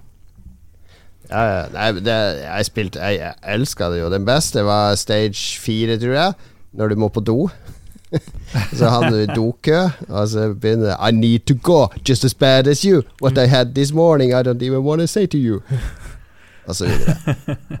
Uh, uh, klassiker, klassiker, men kanskje ikke ekte hiphop. Men det fikk vi i 1999, for da kom jo selveste Wu-Tang Clan med sitt eget PlayStation 1-spill, Wu-Tang Shaolin Style. Uh, der du skal slåss deg gjennom alle 36 36 chambers som er en del av Wu-Tang-lauren, med kung fu, rett og slett.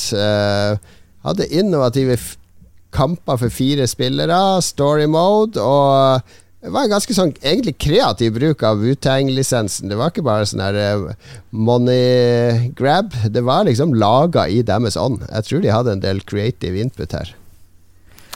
Jeg spilte ikke det, men jeg så den der filmen de lagde. De lagde noen sånn her eh, Enter the Wu-Tang eller et eller annet sånn her cheesy martial arts-greie. Men ja, de var jo veldig sånn multimediale, de der karene.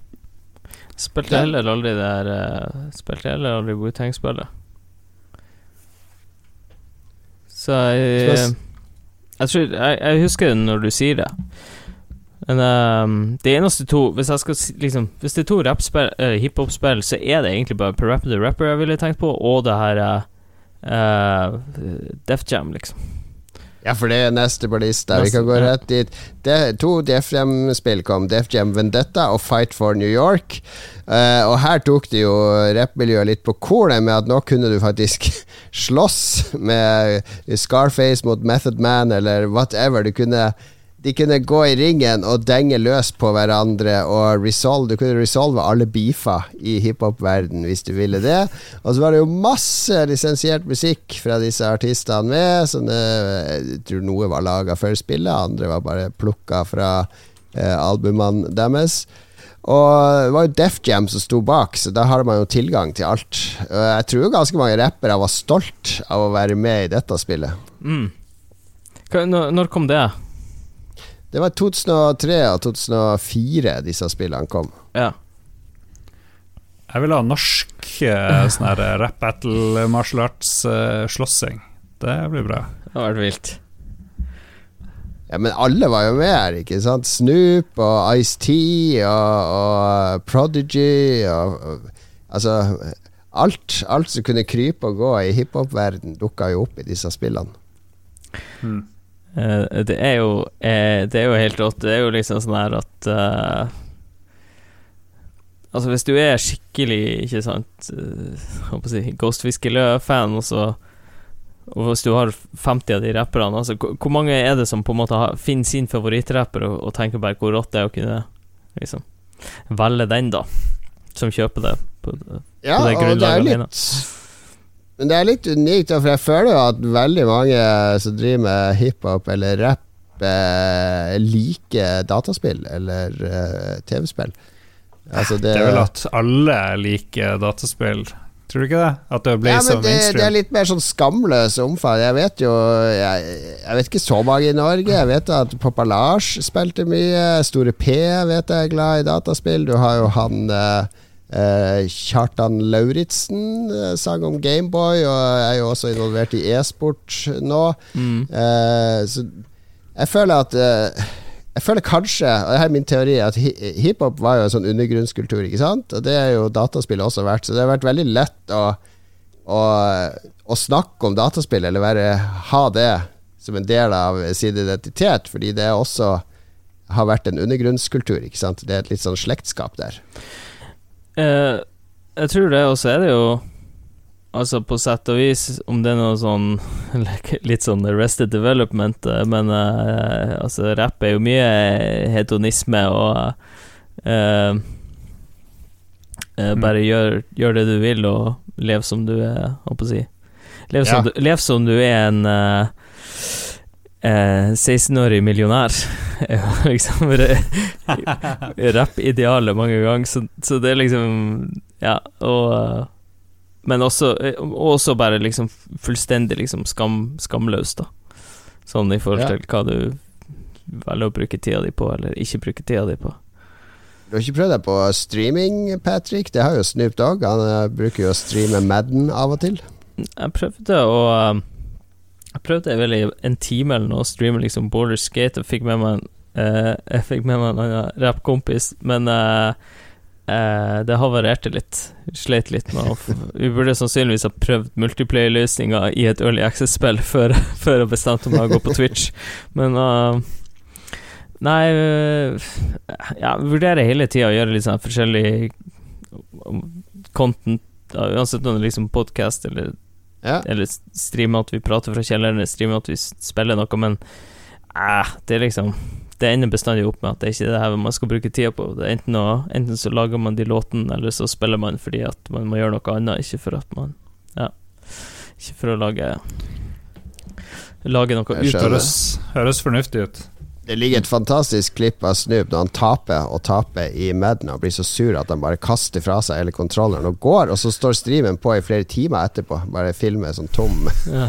tomt spillrom. ja. uh, Nei, jeg kunne godt ha gjort det, men igjen uh, Når jeg sitter og spiller, så for det første så er jeg dårlig, så det som skjer på skjermen, eller i hvert fall hvis det er noe Apex eller CS eller noe sånt, så det som skjer på skjermen er ikke underholdende nok. I tillegg til så blir jeg så stressa at jeg hadde aldri klart liksom å holde kjeften i gang, eller holdt det underholdende på noe annet vis. Så det er det ja, verste. Jeg prøvde å streame Streama litt, jeg òg, da. Man blir sånn vant til å bare sitte og prate til skjermen og skje. Hvis man er heldig og har noen som ser på også, og får litt aktivitet i chatten, så er det også litt sånn grei ja. boost som holder deg gående. Jeg tror det måtte vært noe turn-based. Jeg skulle spilt ja. i så fall. Vi pløyer videre. Det er ikke så mye igjen her. Snoop Dogg eh, nevnte allerede, men han var jo en karakter du kunne låse opp i True Crime, Streets of LA, som var litt sånn dårlig GTA-kopi, vi må være ærlige her. Hmm. Ja, det har jeg aldri hørt om eller spilt. Nei, men GTA San Andreas har du vel spilt, og GTA San Andreas er vel kanskje et av spillene i verden som har tatt hiphop-kulturen, eller i hvert fall den som var på vestkysten i USA, litt på alvor. Eh, det er jo noen klare referanser til uh, ekte ting som har skjedd i hiphop-verden, og ja, det, er, det, er vel litt NWA-vibba over hele den storyen der. Jeg har aldri spilt det, men skal, er det liksom fra 90-tallet, da? Ja, det er liksom fra det er 90-tallet, starten 2000. Han ene er Nå sier jeg sikkert feil navn, men veldig litt sånn MC Ren-aktig. Prøver å slå seg opp og frem som en hiphoper, og de kommer alle fra samme nabolag. Og ja, altså De Hauser-brødrene elsker jo hiphop òg, så de, de, har jo åpenbart prøvd å, å lage en uh, hyllest til NWA og det mm. de har holdt på med. 2004, faktisk, eh, kom det. Ja. Ser dere. Men uh, de tok jo inn Mange av de her skuespillerne var vel sånn karer fra gata i LA-ish. Eller sånn Det var ikke proffe folk som spilte mange av de her karakterene. Det var jo litt artig. Så det var litt street. Ja, altså soundtracket var jo med Dre og Ice Cube og Tupac og Too Short og jeg tror flere hiphopere. Jeg tror til og med uh, Booyah Tribe har noen pedestrian voices i Det er kanskje GTA 5. Jeg husker jeg leste creditsen der. Mm. Tilbake til Booya. Jeg syns det er rått at Booya Tribe blir nevnt i det hele tatt. det har vært en gjenganger i Lolbua. Når vi eh, tar opp litt sånn andre ting, så har vi det i bakgrunnen. Hvis vi er ute og kjører bil og sånne ting. Men, det, er bare, det, er bare, den Doomsday-plata, da. Det er den uh, vi hører på. Men ja, det er jo en gjeng å være redd. Det er jo uh, absolutt en av de mest fryktinngytende, like kjent for vold som rap-cruisen som ja. finnes.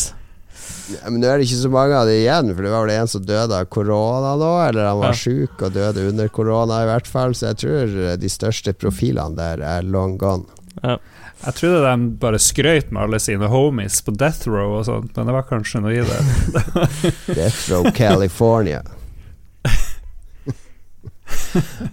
All right. Så kommer vi Vi kan avslutte eh, egentlig med 50 Cent, fordi Bulletproof og Blood on the Sand, det er 50 Cent som bare får jeg vil ha et uh, actionspill med meg i hovedrollen og min DJ, der vi løper rundt i Midtøsten og, og, og, skal stjele en diger diamant, eller hva de skal gjøre, og skyte masse, masse arabere.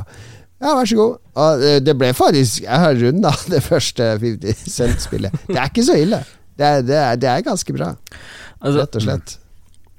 Altså, i, i, uh, i mitt tilfelle for, for, jeg tenker på Jeg syns jo det er liksom den kuleste jeg håper å si, merchen eller tingen du kan gjøre. Så, så jeg tenker Det er jo på en måte bare å finne en eller annen template av Eller finne det feteste spillet du vet, og så er det jo bare å bytte ut noen navn og noen fjes. Um, mm. Så spørs det på en måte Altså, skjønner du hva jeg mener, da? Du kan jo hadde Hvis, hvis jeg liksom hvis jeg skulle lagd et RSB Atomox-spill, så ville det jo bare vært en eller annen sånn dungeon crawler uh, Ikke sant, med, med noe pixel art som ligner sånn halvveis, og noe sånn gøyale uh, Per-Willy Amundsen-fiender. Uh, ikke sant? Noe Bare noe Nå har du solgt det til meg. Hva skjønner du, det er jo Det skal jo ikke Trenger ikke å det skal jo ikke så mye, mye til å bare gjøre det. Um, men um, jeg, jeg, bare, jeg bare syns det er så rart, liksom. Ja, uh, 50 Cent, jeg har lyst til å ha et spill der jeg er med. Uh, det må være i Midtøsten, og jeg må, jeg må liksom skyte noen arabere. Det liksom sånn der Det må være eh, Jeg vet ikke liksom, hvor presis jeg var på de tingene der, men det virker jo som jeg var veldig stolt av de spillene, ja. og var tett involvert i det. Og så er det vel et britisk studio som jeg tror har laga de sammen med han, som, sikkert, som var ganske proffe. Lett å jobbe med, så de mm. leverte varene. Absolutt. Det er verdt å se. Vi kan ta aller sist. Det er jo eh, For å vise hvor, hvor, mainstream det kanskje har blitt. Eh, det var jo i 2018, når Ninja, som er kanskje verdens største streamer, fikk besøk av eh, Drake og Travis Scott, eh, som spilte Fortnite sammen, da. Det var kind of a big deal i Fortnite-verden og spillverden. Ja, Har du ikke sett Travis Scott-konserten? Yes, ja. den har, mine barn har sett den 50 ganger hver, tror jeg. Ja, det, var, det var stort for de å være med på det. Det er bare Det er så Det er så svært, men mange folk skjønner det ikke i det hele tatt, da. Folk skjønner, ja, bare, folk, folk skjønner ikke omfanget av, av det, da. At han gjorde det, og at ja, hvor, hvor rått ja. kids og folk som digger Travis Scott og Fortnite, syns det var, da. Ja, for jeg har prøvd Altså, jeg skrev i Aftenposten i mange år, altså nedskjæringer og sånn, så jeg måtte forlate der. Og da de, de, har nesten ikke spilldekning lenger, så jeg har prøvd av og til å fortelle de det, Her går dere glipp av noe, ikke sant? Fordi det er 40 millioner kids den siste uka som har vært på Travis Scott-konsert, og dere har ikke skrevet ord om det. Hæ, det har ikke vært noe konsert med Travis Scott? Jo, det er, se på det her, det er virtuell konsert. Det er, de står her, de er til stede, de danser. Det er sånn kids opplever heltene sine og føler nærhet til, til sine idoler. Lill Nas X gjorde det samme i Roblox, hadde konsert der. Altså det, det er magisk for de involverte. Mm. Mens når du snakker med de kulturfolka, så er det sånn ja, du skal stå med en øl i et sånn mørkt lokale og høre på sånn rockeband. Det er sånn Egon Holstad Kun, kun sånn Egon Holstad skal oppleve konserter. Det, er den, det er den riktige konsertopplevelsen. Så det er helt fremmed for kulturredaksjonene å ta inn over seg hvordan hvordan det kan være andre opplevelser ja. rundt uh, musikk og, ja, og altså, Mora mi er jo er du, er du, Har du jobb, Hun mener jo fortsatt at jeg ikke har jobba det siste året, uh, fordi jeg har hjemmekontor. og, ja, men du, du har ikke vært noe sted. altså, det var Ja, det er sånn dissonans mellom Ja, hva, hva som skjer der ute i sinnene og hjertene til folk. Helt klart. Vi, eh, vi stopper der med hiphop-historien. Det er et par spill til, men jeg tror vi var innom de viktigste eh, spillene. Godt veileda av hiphop-guruen vår, Patrick. Hadde du noe du skulle si, Lars? Ja, vi glemte å nevne Kanye West sitt spill som aldri kom ut. Ja, han tisa bare det spillet. Ja, ja. 2016. Han viste frem noe drit. Sa han hadde lyst til å lære spill. Skjedde aldri noe mer. Det skulle være en hyllest til hans avdøde mor, i det spillet, tror jeg. Stemmer det. Stemmer det. Ja, ja.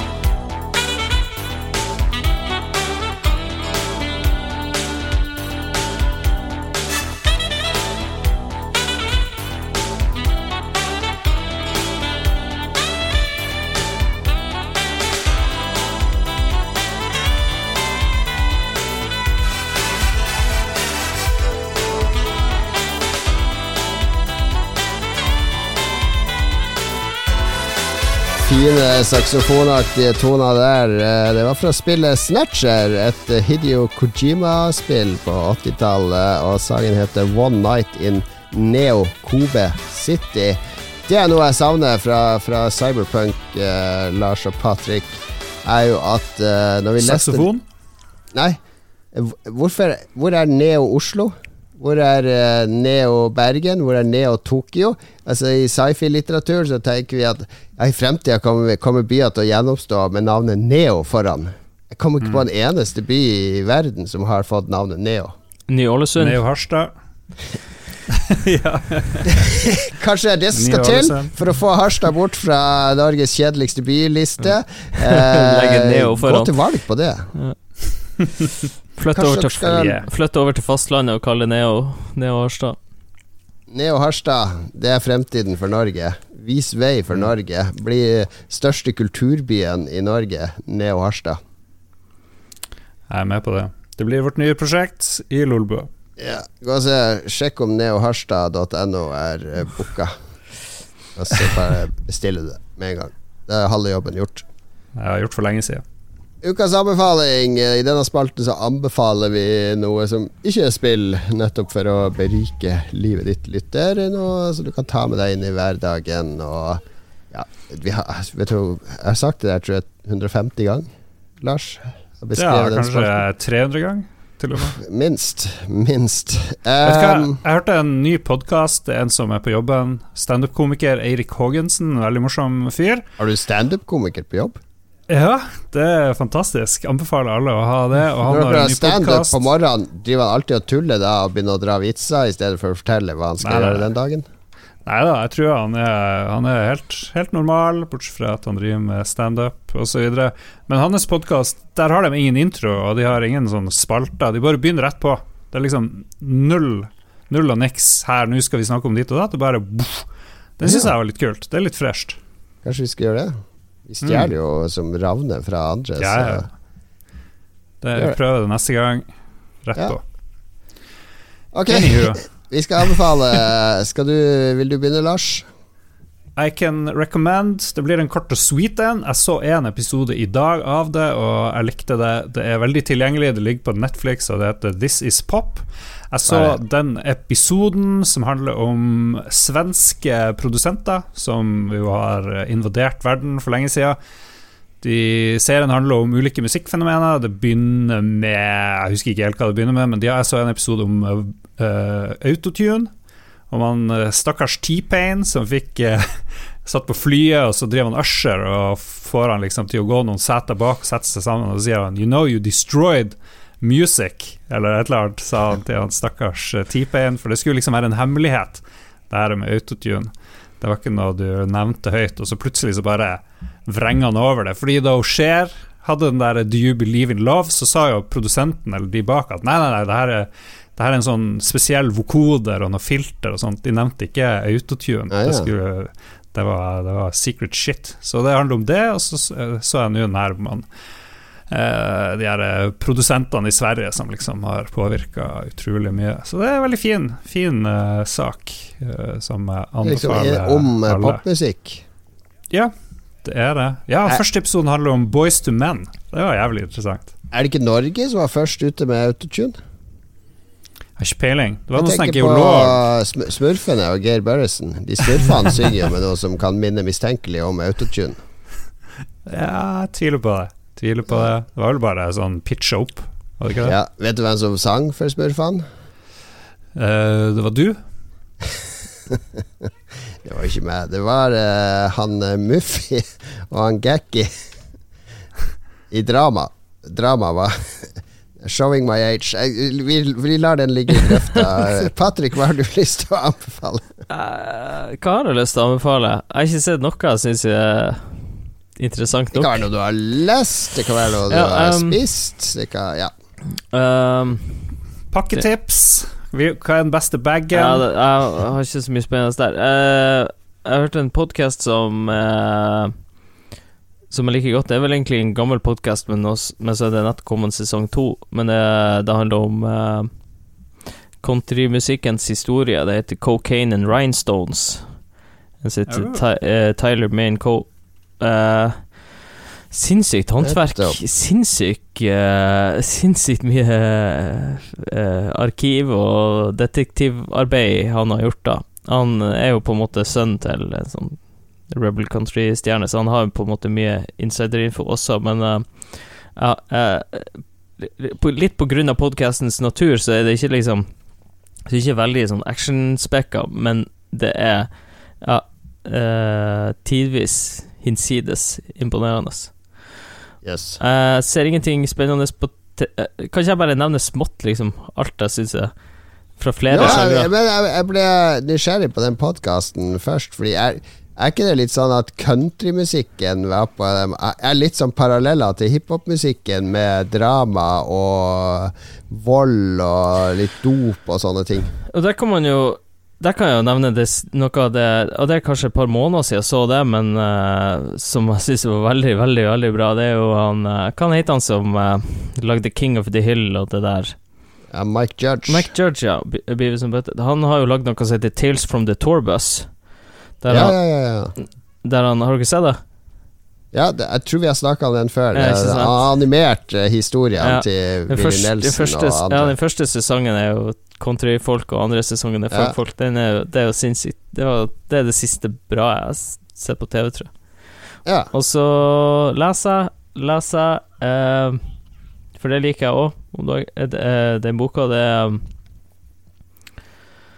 Å, herregud, hvorfor står det helt stille? Eh, 'Memory, Sorrow, Thorn' av Tad Williams, som er noe sånn eh, Mm. Noe sånn der uh, epic fantasy Fantasy shit. ja, noe epic fantasy som på en måte traff imellom Det må jo ha kommet rett før liksom Wheel of Time, altså Ja, men på en måte Ja, har inspirert liksom Wheel of Time og Game of, Game of Thrones og mange av de her De her store på, som kom Hæ. på den tida, da. Så eh, Ja, det, det er litt sånn Det er litt sånn deilig nostalgisk eh, Jeg har alltid mitt kritiske spørsmål til de fantasy-anbefalingene til Lars og Mats. Er, er det sånn tolv bøker, liksom? Eller Eh, er det, det, er det er tre bøker, og så er vel de to, okay. to siste sånn helt disgustingly lang. Uh, Ja. Så uh, Så det, det, er litt, det er litt langt. Og så Jeg liker at audioboka til den første Den første boka er 33 timer å høre på. Den tredje boka tar 63 timer å høre på. Jesus lord. det, beste, det beste er at den første boka Og det, det er litt det jeg prater om, at jeg trengte liksom et, et sånn pludrespill. Grunnen til at jeg likte, liker det så godt, er at den første boka, der skjer det bokstavelig talt ingenting i de første eh, 20 timene av eh, jeg, jeg, jeg leste det, men eh, ja, det er Det er eh, ja, veldig Veldig rolig tempo. Ok, nei, da fikk vi et par eh, tre anbefalinger, faktisk. Ja, sorry. Ja. Jeg, jeg skjønner når man er gjest, så vil man gjerne anbefale mye. For meg og Lars er det mye verre. Det er hver uke. Så, å, herregud, Ja, jeg skal anbefale nå. Og da blir det sånn at Lars anbefaler gatekjøkken i Harstad, eller tannlegen sin i Harstad, og sånne ting. ja, ja. Eh, Fysioterapeut i Harstad, anbefaler alt mulig. Ja, det, det var litt sånn at jeg, jeg, jeg Det var ingen av de der som Som, eh, som var liksom bedre enn den andre, så jeg på en måte gikk heller bare et par måneder Ja, ja. tilbake i tid, og så fra flere kategorier, så har jeg dekka meg sjøl. Men jeg lurte på Jeg nevnte det der med autotune. Er det mye autotune i norsk hiphop? Liksom, bruker alle autotune? Bruker ingen det? Liksom, hvis det blir brukt bra, så hører du det sikkert ikke. Nei, hvis du, det blir brukt bra, så, så gjør du ikke det. Det brukes nok i så å si all vokalproduksjon på eh, På et visst nivå, men eh, Og jeg mm. tror jo eh, Uh, jeg er litt usikker på Jeg må nesten spørre han Popolar om han gidder å liksom tune når jeg synger refrengene mine. Jeg tror mer det er sånn at uh, uh, man lar det bare være litt sånn janket. Det, det spørs jo litt på sjanger, da, men jeg er ganske sikker på at all liksom popvokalproduksjon på så å si alle nivåer blir tuna, ja, i, Nor i Norge. Så. En sånn grunn til at de begynte å bruke det så mye etter hvert, mente de, sier de i dokumentaren, var at før, når liksom folk spilte live med tromme og gitar og sånt, så var det liksom alle spilte litt ut av tune, kanskje, og sånn, og så vokalen liksom gikk for seg sjøl, men nå er liksom alt så jævlig så programmert, og alt er så korrekt, så hvis du synger ikke helt i samme så, ja. toneart eller et eller annet, så bare hører man det så sykt tydelig. Det er nok noe der, ja. At de Uh, det er liksom De standardene gjør det samme med the, the, loudness war, ikke sant, at alt må komprimeres og skrus mm. opp, men jeg, jeg, tror du hører det veldig mye tydel, tydeligere i, i, popmusikk. Altså, det høres bare ut som folk synger syng dårlig, hvis du ikke liksom ja. Um, og det, det, stemmer jo ikke bestandig. Og så er det jo også sånn at det er veldig mange som skriver og synger helt formidabelt, og som på en måte presterer 90% av tida, og, men kanskje til og med det beste taket man gjør, er trengs å tunes et sted Altså, eller Ja, altså Det er bare ja. Jeg tror bare det brukes som hvordan som helst andre ja, eh, verktøy. Musikkproduksjonsverktøy. Det er bare verktøy i musikkproduksjon, ikke sant. Alt av Ja. Eh, jeg tror, jeg tror, vi merker det ikke, jeg og du, Lars, men uh, Nei.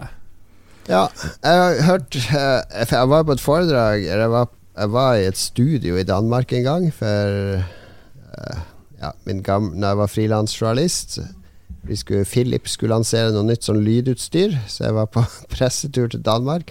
Og da hadde de fått inn en sånn uh, musikkprodusent som annet hadde jobba med Rolling Stones uh, for 25 år siden, eller noe sånt. Og da ja, det var vel på slutten av 90-tallet eller noe sånn. Starten av 2000-tallet. De skulle spille inn en plate, da hadde han vært med han bassisten i Rolling Stones og for Se her, du kan bare Du spiller en C, så tar vi den opp her. Det der spilte han alle tonene, så vi tok opp én og én. Se her kan vi bare plotte de inni her på datamaskinen. Det er du som har spilt det, ikke sant, så vi kan bare plotte inn basslinjene dine. Og så kom han Keith Richards for der. What the fuck are you doing? Get in there and play the song, man. Og han bare No, no, no. I've, I've played all the, the notes. We can just You're not writing a fucking email! Get in there and play the fucking song! han, han, skulle ikke ha noe av at de skulle gjøre det på den måten. Bare putte de opptakene av bassgitaren inn i en sequencer. Ideelt sett så skulle jeg bare spilt inn alle ordene jeg kan, og så kan noen andre sitte og, og, bare hamre inn vers, vers på vers på vers. Bare lese gjennom hele ordboka. Det blir 63 timer, akkurat som den der lydboka til fantasyromanen. Så kan vi bare sitte og plukke ut og lage, og lage all musikk i hele verden. Før vi går videre, må jeg bare ta en tidssjekk med, med Patrick. Jeg lovte sånn ca. halvannen time. Jeg vet ikke, Du må bare si fra, for nå har vi én spalte igjen. Ja, det går fint. Det går bra. Whoop, whoop. Yes, vi nærmer oss eh, slutten. Ja, jeg skal bare ta min anbefaling kjapt. Det blir enda mer musikk, fordi jeg oppdaga Uh, husker du forrige uke snakka vi om Mari Boine, Lars? Og så nevnte jeg sånn yes. uh, breakbeat-remix som har sampla Gula Gula eh, som er laga av ei som heter Suchi. Eh, og så fant jeg ut at Suchi hun er jo født i Oslo. Eh, har indisk opphav. Eh, foreldrene er fra Delhi. Og bor i London nå, da. Eh, lever av eh, musikk, og, og, hun har et sånn radioprogram som Hvis du går på søker opp Suchi, S-U-C-H-I, på Soundcloud, så finner du hun og det radioprogrammet hennes, som basically er sånn timeslange mixtapes hver uke, med ny og gammel elektronika. Og de har jeg hørt på hele uka. Det er mye, mye bra hun mikser. det er ikke sånn der uh, rave-party, men det er Hun har noe sånn 80-talls og et sett med mye sånn 80-talls uh, gammel uh, uh, diskoaktige greier. Falt for hun umiddelbart, og Suchi Hun må vi få som gjest i Lolbua. Altså ung, indisk uh, ikke, Hun er ikke indisk. Hun er fra Norge, indisk opphav, bor i London. Lever ut drømmen som vi aldri torde, Lars. Rett og slett. Oh, oh my god. Hei, Kom inn i Lolbua. Bli med.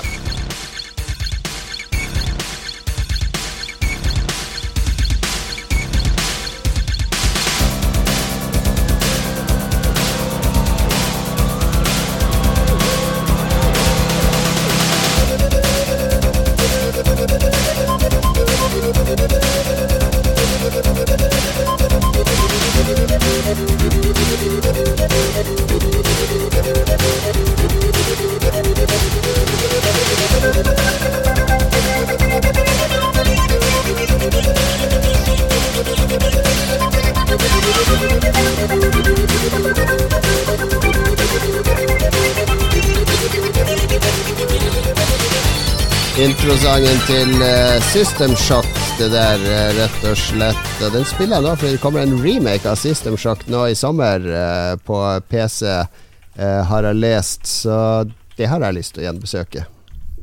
Ja, du har gnagd mye om System Shock. Jeg har aldri spilt det veldig kronglete spill å få spilt, for du måtte fine-tune din 486 X266 med akkurat riktig minne og sånn for å få det til å kjøre.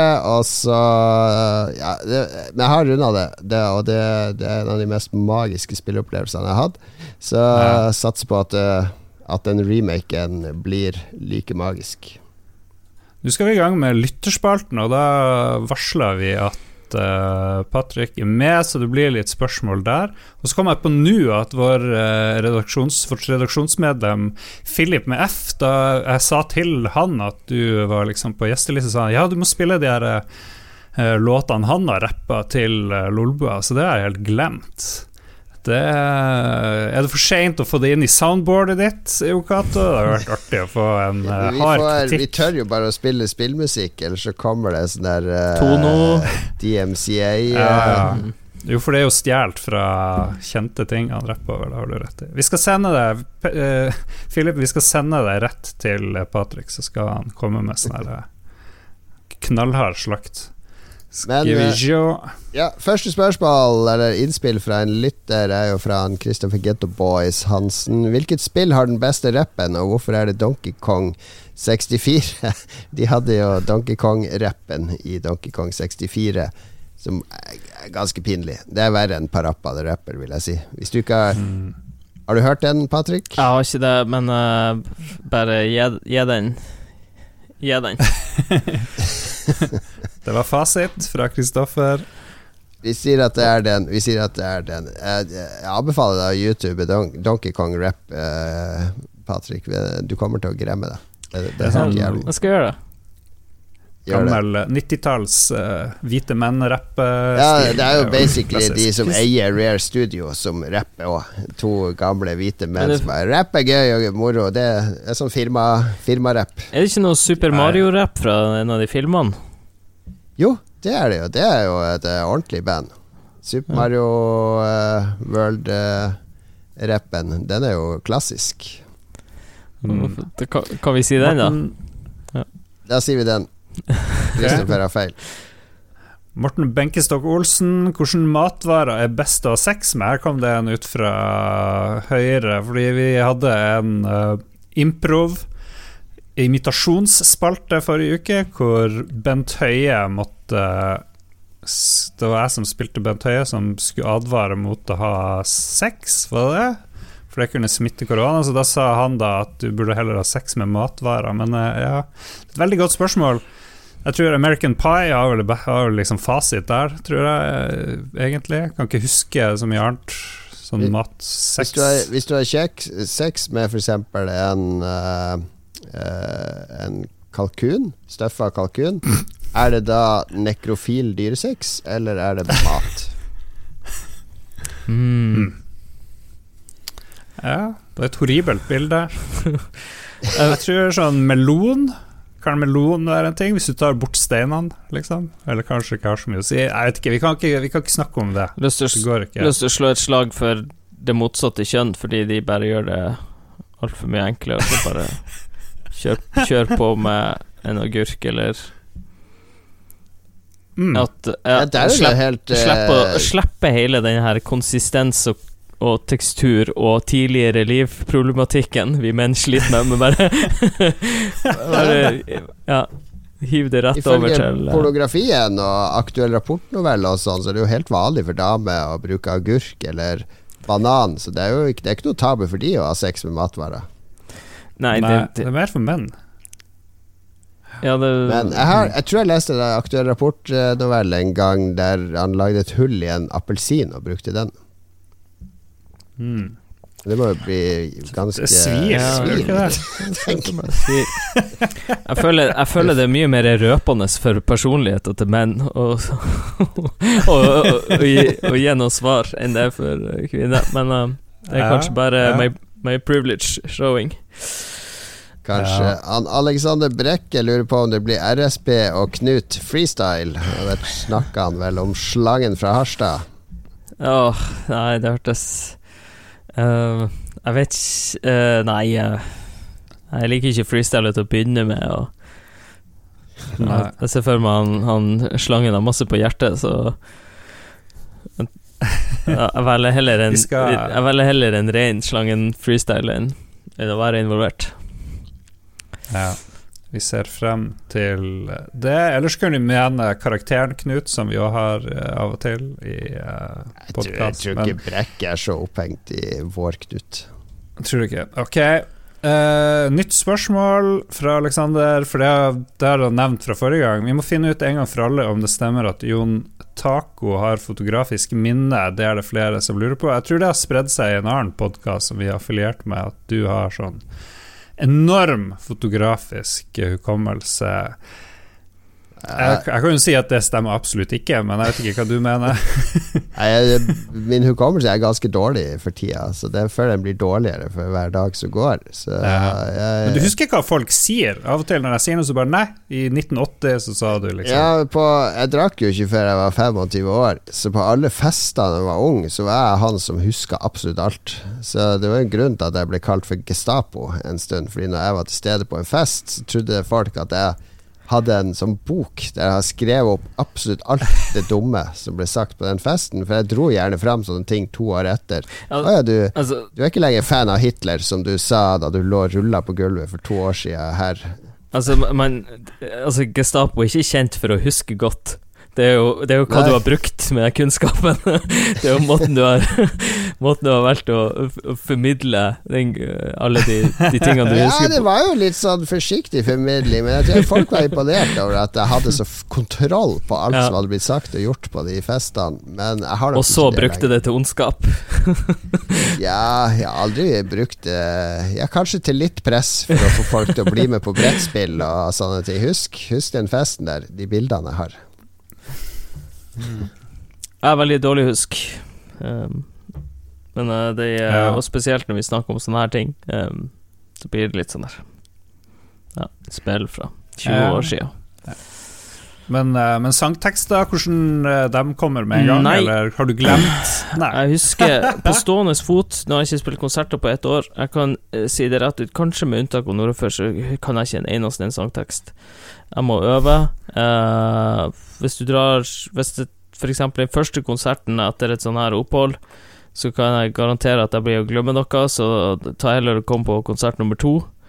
Og så hmm. Og på konsert nummer åtte så, så tror jeg at det sitter inne, så da har jeg begynt å slekke litt, så da glemmer jeg også noe. Så, så uh, neste turnérunde bare å holde seg unna nummer én og åtte for å forsikre deg om at jeg skulle Nei, jeg er faktisk dårlig på det. Jeg må aktivt liksom øve og pugge for å når du refresher gamle låter i forkant av sånn her, hender det at du bare Oi, det var utrolig smart formulert av meg, og sånn, tenk at jeg kom på det. Eller er det mer sånn her Å, herregud, tenk at jeg skrev de greiene her? Uh, det er begge, begge deler. Er noe som er kleint. Ja. Men uh, for det meste så er det som er i live-repertoaret, det er liksom fortrolig med, da. Men av og til så kan jeg jo høre ting jeg har spilt inn for lenge siden, så tenkte jeg ja, det var, det var jo litt uh, framifrå. Eller at det der var jo jævlig kleint. Så Det er sånn, ja, ja, sånn er det, sånn gamle Facebook-statuser. Ja, det er jo mm. som om jeg og du, Lars, skulle begynne å høre på episode 1 til 50. Det, det er grunnen til at jeg aldri hører på det vi har spilt inn. Ja. Mattis Wang, eh, hvem syns du var best i National Cypher 12, runde 1? Hvem er med i runde 1 enn det der jeg er med? Jeg har ikke peiling. Oh, har ikke hørt om National Cypher. Regner med at det var til deg. Ja, National Cypher var sånn her uh, uh, Ja, sånn cypher, altså der masse folk uh, rapper i lag. Det satt sammen av uh, Uh, en som heter JR og uh, Faen Nå var jeg veldig dårlig til å forklare. National Cypher 12 var med Vinni, RSB, Jesse Jones, Kenneth Engebrektsen er det vel, og Nils med skills. Ja. Hvem syns er best på den? Um, er jo ganske spennende. Altså, Jesse Jones og Kenneth Engebrektsen er jo gaterapp, vil jeg si. Nå er jeg lekmann her, men ja. de, de eh, altså, eh, Det som var, det så, det så sjukt med den der, var jo at jeg fikk beskjed om at jeg skulle være med på den, men jeg vet ikke om det var klart hvordan jeg skulle være med på. Men jeg og Vinni var vel de, Vi var liksom at vi skulle være med på den samme. Og uh, jeg tror liksom Lars Vaular og Timbuktu skulle være med på Om ikke de skulle være med De skulle i hvert fall være med på National Cypher det året, om, og, det, og kanskje til og med den, da. Så jeg tror han Kenneth Han hadde ikke rappa så, så mye. Jeg liker han jo veldig godt. Han er sånn her god historieforteller og noen sinnssyke ja, historier. Jeg har men, vært men, på konsert med Kenneth Engebretsen i, i, kjelleren på det som var So What en gang i tida. Nemlig. Ja, det digger jo han, men jeg tror, sånn som jeg husker det, så måtte han bare liksom hive seg rundt og, og være, Det var litt sånn kaotisk, akkurat uh, den innspillinga og alt det der. Uh, hva som favoritten Jeg vet ikke, det må jo kanskje bli Hvem faen var med igjen? Meg og ja, Vinny og Jesse og Kenneth og Nils med skills var med. Jeg tror det må bli Vinny for min del. Uh, ja. jeg, hus jeg husker liksom verset til Vinny, men det kan ha hatt med omstendighetene å gjøre òg. Men det er liksom det jeg huskes av. Ja, ja. veldig Vinny. Kan ikke du gå i fotsporene til Vinny og bli med hver gang vi møtes? Så må Halvdan Sivertsen lage en versjon av 'Sleng ut ekkolodd' eller noe sånt. Ja, ikke, ikke, sikkert. Det er også noe jeg aldri har sett på. Men jeg, jeg, jeg, det har ikke jeg heller. Men jeg tror Hvordan vi ser på det. Jeg tror, det, det, jeg tror det må være ganske jævlig. ja, du må jo sitte og smile av alt. Det er vel det som er trikset, tror jeg. Ja, og gjerne gråte litt òg. Ja. ja. Jo, jo. Men man blir jo gode venner, ikke sant. Drikker litt vin. Det blir jo koselig. Mm. Ja. Venner for, venner for livet. ok, uh, Hans GM spør Er det noe som er fette nice om dagen, spør han. For min del så anbefalte jeg noe i anbefalinga si sist. Jeg vet ikke, jeg tror, bare, jeg tror ikke han bruker utdraget, uttrykket 'fette nice' i det hele tatt. Han skrev, han bare syns det er litt artig. Ja. Det er jo noen er som noe... blir litt Her i Sør-Norge så er det litt sånn i krenketerritoriet å si 'fette nice' nå. Det, det er mm. eh, Få en sånn grov mening som ikke er i det i det hele tatt, for oss som er fra Nord-Norge.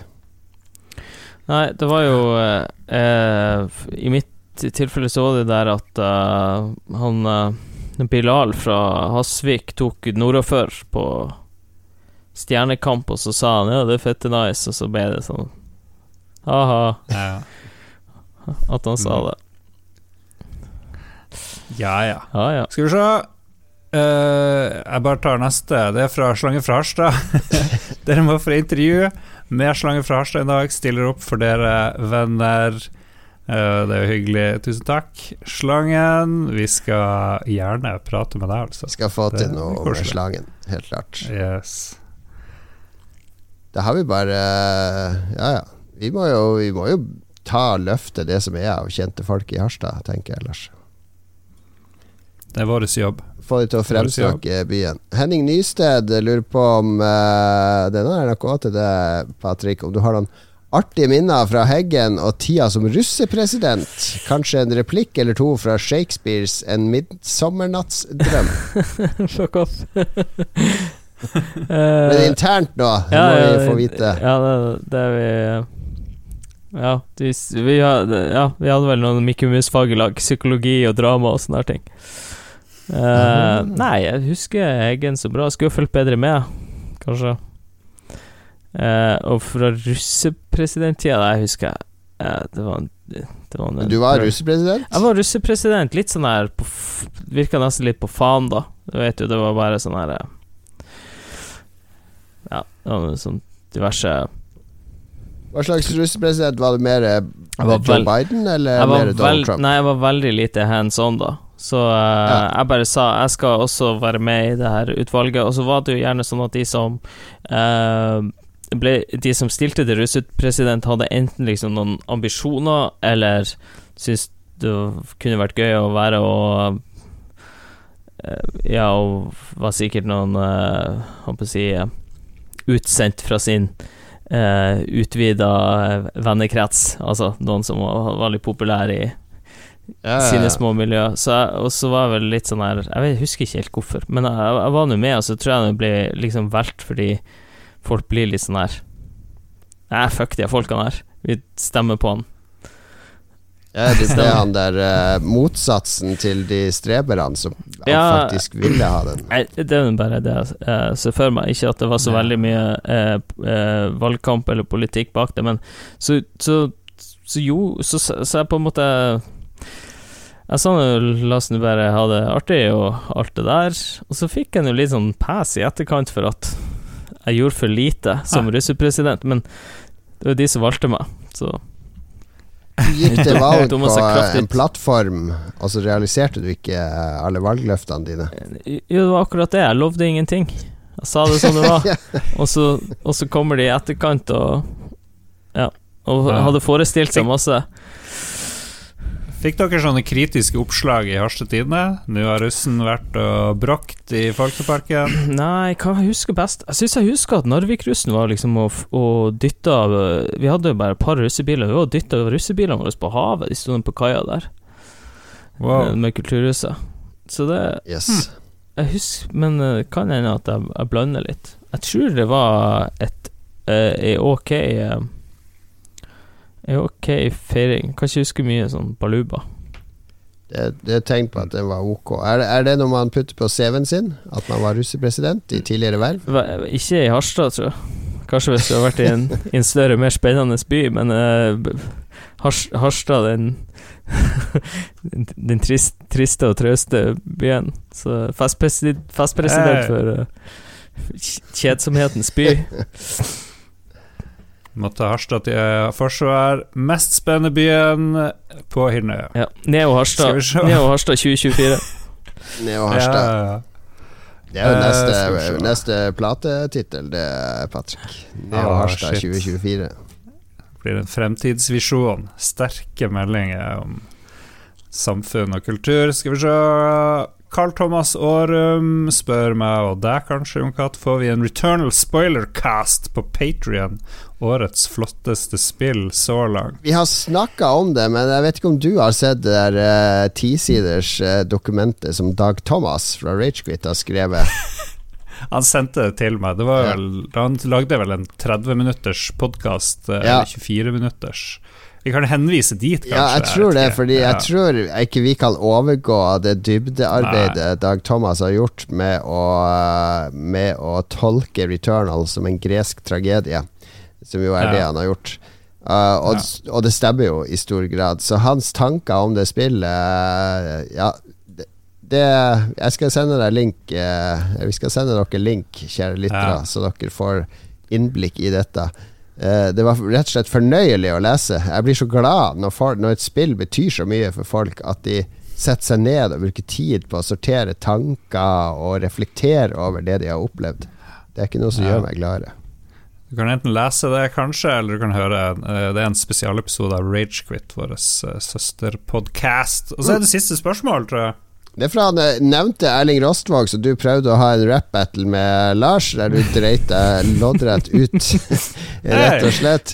Erling, eh, programleder i Spillmatic, eh, radioprogram og podkast om spill og hiphop. Han spør rett og slett deg, Patrick, hva er den beste låta du har laget, og, laget, og hvorfor er det Si meg hvem? Si. Og så legger han til, og hvis du mot formodning skulle mene at uh, du ikke var skikkelig nok drivkraft i, for å si at du har lagd en låt, så kan du svare på svare noe annet. Eh, Simon, hvem er i hvert fall den uh, raskeste låta lagd? Det går jo sånn 160 BPM eller noe sånt. Litt sånn sint. Det er jo Hålogalandslaget-låt, for, uh, for de som ikke har hørt den. Nei, jeg vet ikke hva den beste låta jeg har lagd er. Mm, noe av det som kommer til høsten vil jeg si. Ja, det kommer noe til høsten, kan du, du, kan si det, altså. Ja, vi ga ut uh, Malabarisk i uh, slutten av april, og det uh, Det var vel egentlig Det som skjedde, var vel at vi hadde et, mer kanskje et album som ikke hang så veldig i hop, så da bestemte vi oss for at fuck it, vi, vi deler det litt opp og lager litt nytt og sånn. Så Og får det til å yeah. passer litt bedre. Så Mal Malabarisk er på en måte de introspektive, sinte låten jeg skrev når jeg, eh, flytta til Bodø og fikk FOMO og måtte klippe gress og forholde, forholde meg til egen eiendom. Og så er det eh, Så kommer det nå til høsten så litt mer eh, Hva skal jeg si løs, løssluppent og festorientert og eh, yeah. ja. Neo Harstad. Neo Harstad-orientert, ja. Mm. Soundtracket til Neo Harstad. Hørte du, Lars? Han, han klipper faktisk planen sin. Ja, jeg har, jeg har klippet faen meg hele uka her. Ja, det Men det er en annen historie. Det er bra. Du, konseptet med sånn LP, EP Altså, er det jeg føler ofte at det som blir gitt ut, er bare sånne små tidsvinduer fra artister nå. Det er gjerne fire låter som Her er der jeg har vært i det siste, eller her er der jeg var i fjor sommer. Ja. Eh, det er ikke Det der LP-konseptet, jeg føler det betyr ikke noe lenger. Nei, at man skal jeg... samle de, noen bra låter og strukturere en rekkefølge, eller whatever. Ja, altså, jeg er jo altså, Jeg er jo, jeg er jo født og oppvokst med at det var noe veldig, veldig veldig bra album, som på en måte har også fulgt meg hele livet, men jeg vil jo si at musikk Smaken min og musikk Eller min måte å eh, konsumere musikk på, det er jo mer prega av Audio Galaxy og brenneseder og Spotify-spilleliste, mer enn noe annet, så jeg er jo på en måte en del av det. Og jeg vil jo si at for det om jeg har lagd flere album, så uh, har jeg aldri liksom lagd noe sånn uh, tematisk uh, Eller liksom Det har ikke vært Det har liksom vært låtfokus, og så har man kanskje sløyfa noe som ble uh, litt for rart. lagt til noe som Ja, som det noe trengte, men, men du skjønner hva jeg mener, da. Ja, ja, ja. Så, så jeg er nok enig i det, at alt er liksom bare singler og spillelister og, og sånn. Men uh, ja. for min del så lager jeg jo ikke bare Jeg lager jo på en måte tominutterslåt og seksminutterslåt, og noe er litt sært, og noe er litt uh, smalt, og sånn. Så for min del så um, så, så er ikke noe, noe for Så er ikke så mye for seg å liksom gi ut alt som singler, eller bare sånn Jeg liker å, å i hvert fall gruppere det og gi alt på en måte en uh, En sjanse sett i sammenheng med ja, ja flere låter. En slags kontekst? Ja, det blir jo det. Blir jo det. Malabarisk er jo det. Um, så Ja. Jeg vet ikke hva jeg prater om. Ja, du prater om Nei, at alt er bare låter. Jeg syns det var for. Nei, det er jo prosess rundt med å tenke fra låt til uh, pakke, altså hva man leverer ja. fra seg. Nei, um, Veldig interessant, syns jeg. Lars sitter og gjesper, tenker jeg. Ja da. Nei da, jeg følger med. Følger med. Jeg bare kom på at vi glemte å dedisere ukens sending. Nå har vi gjest. Vi kan, neste episode kan vi dedisere til en produsent. Skal vi gjøre det? Ja, ok, da, det. det. er ikke Kobrakar84 sin sending, det her. Det her er RSB sin sending. Det er RSP sin sending. Godt helt, valg. Helt og fullt. Vi må vel takke våre produsenter nå på slutten, Lars. Ja, så det skal vi gjøre. Nei, vi har én, to, tre, fire, fem, seks, syv produsenter akkurat nå. Du kan også bli produsent på patrion.com slash lolbua, og der støtter du oss og Spillrevyen, som vi også lager, jeg og Jon Cato. Du må høre søsterpodkastene våre, uh, Ragequit og Likos univers med gjedda. Og så må du høre på Radcrew kan du gjøre, de er kule. Les uh, Pressfire, støtt norske spillmedier. Du må følge RSP. Er det noe sted man kan liksom holde seg oppdatert? På shit that's happening? Uh, vi bruker den uh, pagen på Facebook som heter RSP og Tomox, og vi bruker RSPTMX på Instagram. Ja, vi, det, det, er litt sånn alltid litt nytt, fordi jeg og han vi har bare holdt oss til våre separate kanaler inntil ja, det de siste år, eller to siste årene, så Så, uh, så bra å følge oss der.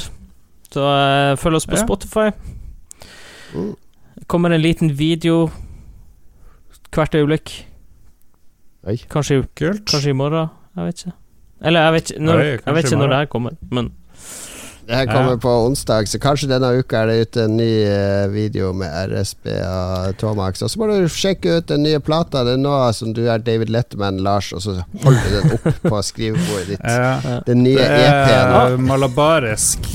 Malabarisk eh, er ute på Spotify og iTunes, går jeg ut ifra. Og Bandcamp. Eller ja. kanskje ikke på Bandcamp, men uh. ja. Det er lenge siden vi har pusha Facebook-sida vår. Så vi har en sånn skjult gruppe. Lolbo Entourage. Der skjer det ting. Hvis det skjer ting, så forteller vi om det der. Ja. Da tror jeg jeg pusha nok, Lars. Det må vi takke ja, for oss. Ja, ja. Tusen takk for at du var med, RSB. Du ofra du en sånn frikveld etter barna er i seng og sånn, på å sitte og jobbe med to gamlinger fra Harstad. Ja, nei da, det er trivelig, det. Må Tusen takk. Jeg skulle, jeg skulle bare dø i Jeg skulle bare tape i Apex uansett. Så Tap. Her føler jeg i hvert fall at jeg, bidrar med en tree stack. Bidrar, ja, ja. bidrar med, med, noe mer. Det har vært lærerikt og fint og veldig hyggelig å ha deg med. Jeg ønsker deg en kjempegod sommer med masse hyggelig arbeid på huset. Ja, takk. Likeså. og, og du som hører på, det kommer flere episoder av Lolbua i sommer med meg og Lars, og kanskje noen andre sommergjester. Og vi snakkes om en uke. Ha det bra! Hei da.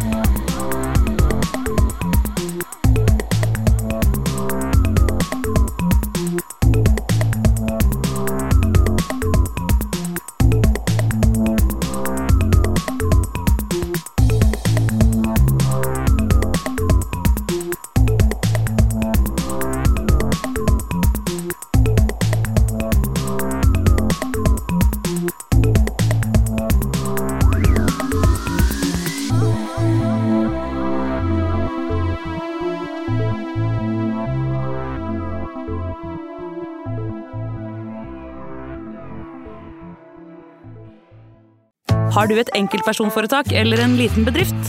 Da er du sikkert lei av å høre meg snakke om hvor enkelt det er med kvitteringer og bilag i fiken, så vi eh, gir oss her, vi. Fordi vi liker enkelt. Fiken superenkelt regnskap.